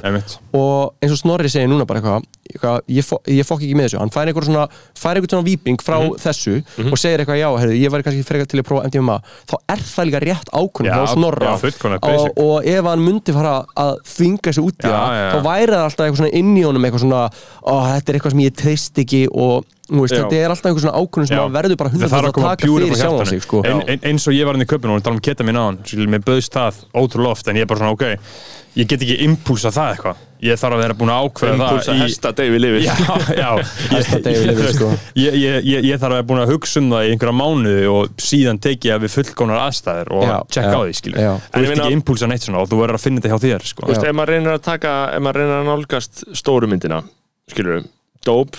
Já. það er gott og við erum að tala um dóp, skilur og dópið er veistla á einhver leiti, skilur en svona, ástæðan fyrir að fólk tekur þetta dóp er að þegar rúkslega næst að taka dóp. Já, já, já, það er Það er, það er svona alveg óumdeilt, þú getur ekki, aðna, þú getur ekki deilt í dómaran um það, en Nei. sko stóra myndin, samfélagið, skilur jú, samfélagið er betra ef að stjórn, stjórnmálamenn tækja meira dóp, já. En ég meina, hvert Nei, stefnum við, við, tækju góða dópi, ekki, ekki kók og sanni sko. er, er, þú veist, Er, er samfélagið á réttir leið, skilur, er ekki mikilvægt að ræða það, skilur við, Jú, Jú, við, við, jú, við, svona- við ætluðum svona meira þess að fara út í þetta, ég meina, þú veist, að því að og, þú veist, þetta er eitthvað svona sem ég uh, persónulega komið á borðið því að þú veist, þetta er eitthvað svona sem að, þú veist, ég hef spáð mjög mikið í þessu undarfærin ár, sko, að því að þú veist, það er alltaf og þetta hefur náttúrulega verið gegnum gangandi held ég bara í mannkísögunni, sko, að að sko, fólk er alltaf að segja að hlutir sé að fara að vera svo að, veist, að allt er að fara á niðurlið og allt er að verða svo slæmt og þetta er alltaf rosa mikið í gangi núna og veist, og bara svona COVID ofanuleikjandi bara svona, bara guð mig guð hvert eru að fara umræðan og hefur verið svakalega neikvæð svakalega neikvæð og ég meina allt þetta, um er og það, já. þetta er lí- líka global warming og Já. þú veist, og bara endalust af hlutum sem eru að og þú veist, og það er rétt skilur það er endalust af hlutum sem eru að en á sama tíma skilur þá verður maður aftur sig á því að bara, þú veist, lífsgæði bara svona, bara meðal lífsgæði íbúa á jörðinni hafa aldrei verið jafn góð og akkurat í dag sko. Mhm. kannski voru þið betri rétt áður en COVID skall á og bara COVID er náttúrulega bara búið að vera dagar skilur en um leið og það er búið þá munur lífsgæði fólks á jörðinni bara að meðatali vera betri en þau hafa nokkur sinni verið í mannkynsugunni ég meina, ég myndi okkur að vera uppi hérna á Íslandi fyrir 100 árum, ömulegt ég myndi okkur að vera bara einhver staðar uppi fyrir þúsund árum, bara einhver staðar í heiminum ömulegt, bara, bara fólk var að deyja meðatali bara eitthvað 40 ára skilur og hérna Sattur gleila að vera bara eitthvað fara og ég geti landi Nei, veist, já, ma, en þetta, var þetta er faraó, sko. já, er, þa- en þetta er, þú veist, romantisering sko. ekki gaurið sem bjóti píramítana Nei, en en þetta er líka it, sko, Já, Já, sko. og þetta er romantisering, ég meina Faroen, hann er líka bara einhver skilur eins og fucking bara Tutankhamun skilur Já. hann er bara einhver gaur sem bara fættist bara með ég meina, hann bara var bara hérna, eitthvað ógeðslega veikur dó bara þegar hann var 14 ára og Já. þú veist, þetta er bara algjör En- romantisering en að er einhver Faró hafi verið að eiga gott líf Það sem sko. ég hugsa líka í þessu er að því að við erum í, sem, í, í, bara í því samfélagi sem við búum í þá eru rosalega margir sem bara uh, hafa það eru mjög upptegnar að því í lífinu að, að einblýna á alls konar svona ákveðna fleti samfélagsins og hvað mætti betur fara þar bara hvort sem það er loftslagsmálum eða flóttamannamálum eða þetta er, svona, þetta er alltaf áberandi rattir Já. og það er auðvitað bara gott Já, þetta er bara mikilvægt að þetta sé áberandi rattir Já. um, og uh, þú veist það er bara fínt, en síðan eru líka með þú veist, þessa pælingu með, þú veist, svona, það er alls konar sænskir hagfræðingar að skrifa bækur um það hvað heimurinn hefur aldrei verið jafn góður og hann er núna Já. og það er líka bara basic að það, er allir heyrist líka Já. en svo hugsa ég líka uh, þú veist, óháð því hvort lífsgæði eru almennt að vera betri eða verri í heiminum Já. ég get lesið einhverjar upplýsingar um það hvort svo sé eða ekki á netinu já. og Þú getur fundið það sem þú vilt finna ég get Já, getur fundið allt sem Nei, þú en, vilt en ég er að finna. segja, þú veist, ég get alveg innbyrt þær upplýsingar að heimurinn sé að fara í ba- batnandi átt Já. og bara, það er bara fínt en það, ég er ekkit samfæður um að mín hamingja Já, eigi að, velta á því hvort lífsgæðin séu almennt að fara batnandi eða ekki, þú veist. Já, ég held að það sé ekkit endilega heldur rétt. Ég held En- að en maður meina- hljóti að þurfa að lifa sjálfstæði lífi Já, og hugsa bara, ég Já. er ferskur ég ætla bara að reyna að halda sjó. Ja, Það, veist, það er svona ég veist sko, það eru flestir að gera það sko. Það er aðalega sem mjög við, við þessa umræðu er að þegar að fólk er að blasta þessu svo ógeðslega mikið út í kosmosið að heiminum sé að vera verri þú veist, bara, þetta er bara það, þú veist, þetta er bara megin uppistaða sko, þess, því, af því sem ég les í fjölmiðlum og á social media, það er að allt sé að fara til fjandan skilur Já. og að við erum alltaf að varpa þessu út í kosmosin það er, það skapar sko náttúrulega bara svona toxic orku í kosmosinum Ja, collective að- consciousness. Já, collective consciousness skilur uh, og það er bara Nei, sko, þetta er fólk mikill grundvallar miskilingur já, hvað var þetta? það er eitthvað bank Hérna, Vist einhver ykkur og, og mér finnst það bara mér finnst það líka bara vera þetta svona barnalega afstæða Já. þú veist að ég hitti oft fólk sem er bara ógslag klárt bara og bara einhvern veginn svona bara, bara þú veist, innan gæsla bara, bara eitthvað svona virt fólk skilur í samfélaginu sem er einhvern veginn bara svona samfært um þetta og, og, og auðvitað er líka bara svona gömulsá ný þú veist að, að sko miðaldra kynsluðin sé alltaf að segja að unga kynsluðin sé svo bara, oh my god, bara hvað hva er að verða um unga kynsluðina, bara alveg eins og áðan þegar þú sagði bara eitthvað bara hérna, hérna 16 til 20 ára krakkandi núna bara, bara að þau væri cursed skilur þú veist, þetta er náttúrulega bara alveg bull skilur Já. þú veist, þau munu, alast, Já. þau munu verða miklu meiri kings en við sko. Já, já, já. og krakkandi sem eru að fæðast núna bara eitthvað 2020, þeir ættu að vera miklu meiri kings en við sko, Já, maður, fucking litli hugi, litlu hugi sko kongurinn og hérna Nei, Ha? mér, mér fannst þetta að vera sko, punktur sem að hérna, Sko, já, ég, vil, ég vildi koma að þessu en ég hugsa já, líka, þú veist, það sem ég hugsa líka er að, þú veist uh, líka skilur, þú veist, það sem ég var að reyna að segja væri að, þú veist, óháði hver sannleikurinn um þetta er Já. og, veist, og ég er að segja, það eru til svo margir sannleikar að við getum ekki vita hvort að nei. sé að vera betri eða ekki, bro, þú skilur veist, hver og einn skapar sinn raunveruleika sko. Já, já. þú getur og hver lesið á sannleikurinn er, þá áttu ekki að láta það stjórna þinni daglegu líðan Já. ef þú vilt komast af, ef, Já. þú vilt, Já. ef þú vilt að því að líði bælega Já. fólk er að fokkin tala um að eignast ekki börn út af loftslagsbreytingum Já, skilur. fólk er að tala um bara lík uppgjöf maður, Þú get a life ég meina, sorry, þú veist bara loftlagsbreytingar skiluru huge dæmi Já, við en, en, en málið er, það er í alvörunni það er í alvörunni verið að laga sko. Já, er það ekki? Það er að búið að redda laga ósónlægið sko. Veist, fólk sko, þess, þess, þessa fréttir, það er rata líka bara ekki næstu mikið inn og við höldum sko. Veist, það er búið að laga ósónlægið Já. það er, það á, þetta, veist, ég hata ég hata frasan. að að það er fakt stjúpappi minn, hann var í UCSD, þar sem að global warming hérna, törmið var coinað skilur Mhm.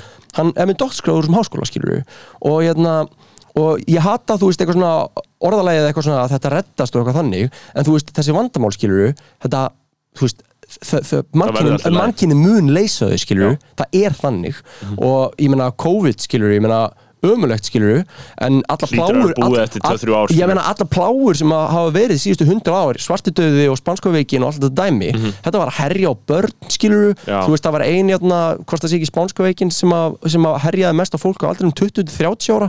Veist, við værum bara allir dead skilur þá bara henn Mhm. Ha, kynslu já, sem hérna fór 1918 fór- sittið, þá já, væri búið ég meina sko. núna er þetta bara eitthvað eitthvað hérna, var með gamla fólkið skilur Ég er fekk vitið um daginn. Ha, Skilji, ég var með vitið, ég var að klára, klára COVID sko. Já, núna er búin nefið, sko. gamla fólkið og ég meina það er náttúrulega bara ógislega ömulegt og hérna, en, en síðan er líka bara ógislega ömulegt að, að það sé verið að sitja bara eitthvað ógislega mikið á gamla fólki einangrun og, og þau, bara, þú veist, það bara dói færri gamlir árið 2020 heldur en 2019 af því að þau voru svo mikið til sótkví og voru að spritta Já. svo mikið, skilur Ég meina það sem er ömulegt í þessu er að það sé verið að taka okkur nætulíf það er það sem er verið við- er við erum að við íðilegja við- fucking við líf ungs fólks Við erum að búa til samfélag og ofbeldismanna Já. Það er það sem við erum að gera Við erum að búa til fucking traumatiserað auðmingja sem að munum fucking lasja út og beita ofbeldið til þrjú ár það er það sem við erum að gera. þau munu taka Omega Rage. Við erum að- við búa til- COVID. Þau eru að setja fucking- fucking fjastýringar upp í rassina sér núna Þau eru að taka Omega Já, Rage við erum að búa- konur og kalla Já. Skilur, það er það sem er að gera Við erum að búa til samfélag fokking lið sem er að kýla í fötu heima á sér, Já. runga sér yfir klámi og spila tölvuleiki af því að sig. þau megi ekki fara út í stæðin fyrir að vera til þrjú eða fjör á prikinu Já. og vera full Já. King shit og kissa einhvern Já, og, og gera eitthvað, þú veist, gera eitthvað bullshit þar sem Já. að er daginn eftir bara eitthvað, oh my god, herðu, ok, ég þarf að fara að skila hérna jakkanum sem ég stál úr þessu Af því partí, og að því að þegar við gerum þetta sko, þegar við tókum þessi góðu fjögur, fimm kaotísku ár Mhm. á vettvangi nættilífsins þá var það ákveðin kurva sko. Veist, það var við að tálka okkar hæfni Já, já, já, í samskiptum Já, fólk sko, 100% og, sko. Og í tæpum aðstæðum, veist, það var bara við að mótast skilur, og það er það sem við erum að tala um þegar við segjum mótunar ár sko, veist, það var bara hverju helgi þá lærið þér eitthvað nýtt, kynst einhverjum bjóst til eitthvað samhengi, Mhm. kynst fullt af fólki. Ég þekki fucking fullt af fólki, bara með allar Reykjavík bara í alls konar Já. bullshit aðstæðum. Ég veit ekki í já. fokkanum, ég þekki alltaf fólk. Nei. en það er bara að því að maður bara kynntist þeim hér og þar. Já, en þetta fólk er bara á Zoom og Teams með Playstation 5 fjastringu lengst upp í rassinu hún er farin öll. hún er bara í görlunum, hún er bara alveg komin orðin hluta líkastarseminni, það er bara fjastringin og þarna og svo er það þarna á, á Teams með kennarinn sínum og það er búið að mjúta sig það er að horfa Netflix með hinni já, sem er líka fyrir rassunum Yep. skilur, og þau, þau eru bara eitthvað átjánar og svo eru þau bara að halda það á Twitter sér lífið skilur já, það var nóg, svo þróun, svo óheitla Já. þróun var hansi langt gengin Ég fyrir bara- COVID en þetta er alveg komið út fyrir allan þjófa barn Já, ríkistjórn Katrín Jakobsdóttir er búin að búa til samfélag og ofbildismanna Já, eða þú veist, bara, allavega það Nei, nei, nei, það. sko Allir Íslendingar vilja þetta. 80% að 90% af þjóðinu vill loka öllu. Sáðu ekki þess að Þa, Það er að svona lippandi vilja Ég Ha? banna og loka ég, ég, held að hann hafi- ég held að hann hafi sagt sko, ég held að hann hafi sagt ég held að hann hafi talað um það hvort það hafi verið allir fannar sem talaði um það í þættinu minna þú veist, þau gerðu því rannsókn í Englandi. Þar sem við spurðu Já, bara eitthvað að það hversu mikið að einmitt, viltu, og það sögðu allir bara, ég vil bara loka öll yfir Já. útgöngubann og bara rosalega meirluti fyrir útgöngubanni klukkan 10 bara hjá öllum, þú veist, fólk er svona og það er mjög mikilvægt. Og þetta er það sem ég er að hugsa. Af hverju, það, það, ungt fólk sem hefur þessa hagsmenn að gæta að fá að vera í miðbænum, það hefur enga alvöru talsmennina. Nei, það er enginn að tala fyrir hagsmennum þeirra. Nei, nei, nei, alls ekki. Þú veist, þetta er bara fakt. Já, Já, þetta er bara fakt. En við erum að tala fyrir hagsmennum þeirra. Já, já, og ég meina, hey, eins og við segja maður allir bara búið sem raunveruleika, skilur þú getur, þú getur valið, ég- nei, þú getur valið bara að vakna, þú getur valið að vakna, þetta, sko. já, þú getur valið að vakna upp og fara á Twitter og fucking microdosa helvíti, skilur Mhm, eða bara choose life, choose og fucking deactivatað og haldi áfram með fucking lífið þitt og reynda að byggja sjálfa þau og veist- vera í kaldri styrtu, nofap, bara ég horfa á Jordan Peterson við drullar í kaldasturstu Já. og ég bara nófappaði þið í gang, flyttu til útlanda og bara reyndu bara að búa eitthvað til skilur Já. reyndu bara að búa eitthvað til bara, veist, byggjað upp. Byggja upp og fara í fucking nám. Ég hata líka, ég hata líka allt þetta sitt mér í gangi sem að allir að tala um eitthvað svona að, að, að sko háskólanám sé ekki lengur sko valið gjaldmiðl Já, jú, jú, Uh, og, jú, og ég meina þú veist auðvitað er það ekki sami gjaldmiðl og að var innan fyrir 50 árum eða eitthvað en þú veist, bro bro, þú ert átjónara, þú veist í alvörun ekki shit, skilur. Nei, ég var alveg Þú getur ég ekki tótt á Gary ég Vee alveg- motivational eitthvað. ég var alveg tvítugur og held að ég vissi allt skilur. Og þú veist, ég- nú er ég 28 ára ég, bara, þú veist, ég veit að ég veit bara alls ekki allt skilur Mm. og það er bara ógæslega mikið sem ég á eftir að læra og ég bara, þú veist, ég var ógæslega mikið til að flytja til útlanda skilur, ég var ógæslega mikið til að gera bara eitthvað, bara kúvenda lífin mínu og bara sjá hvað maður. gerist sko. Farðu til California í master. Já, bara, kóngulegt. bara gerðu bara eitthvað shit maður. Ekki, ekki vera í heitapottinu með skjaggið sko. Nei, nei. Það er, ég samanlega, og, og ég tek þetta undir það ég tek undir það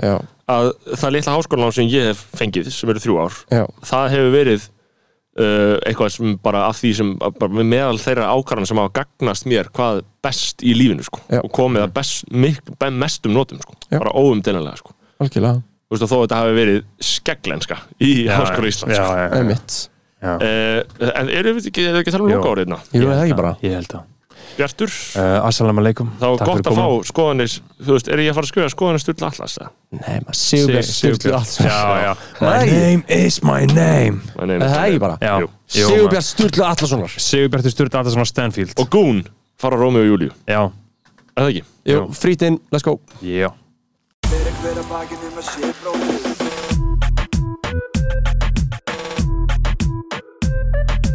Fyrir hver að bakið um að sé bróðir eigi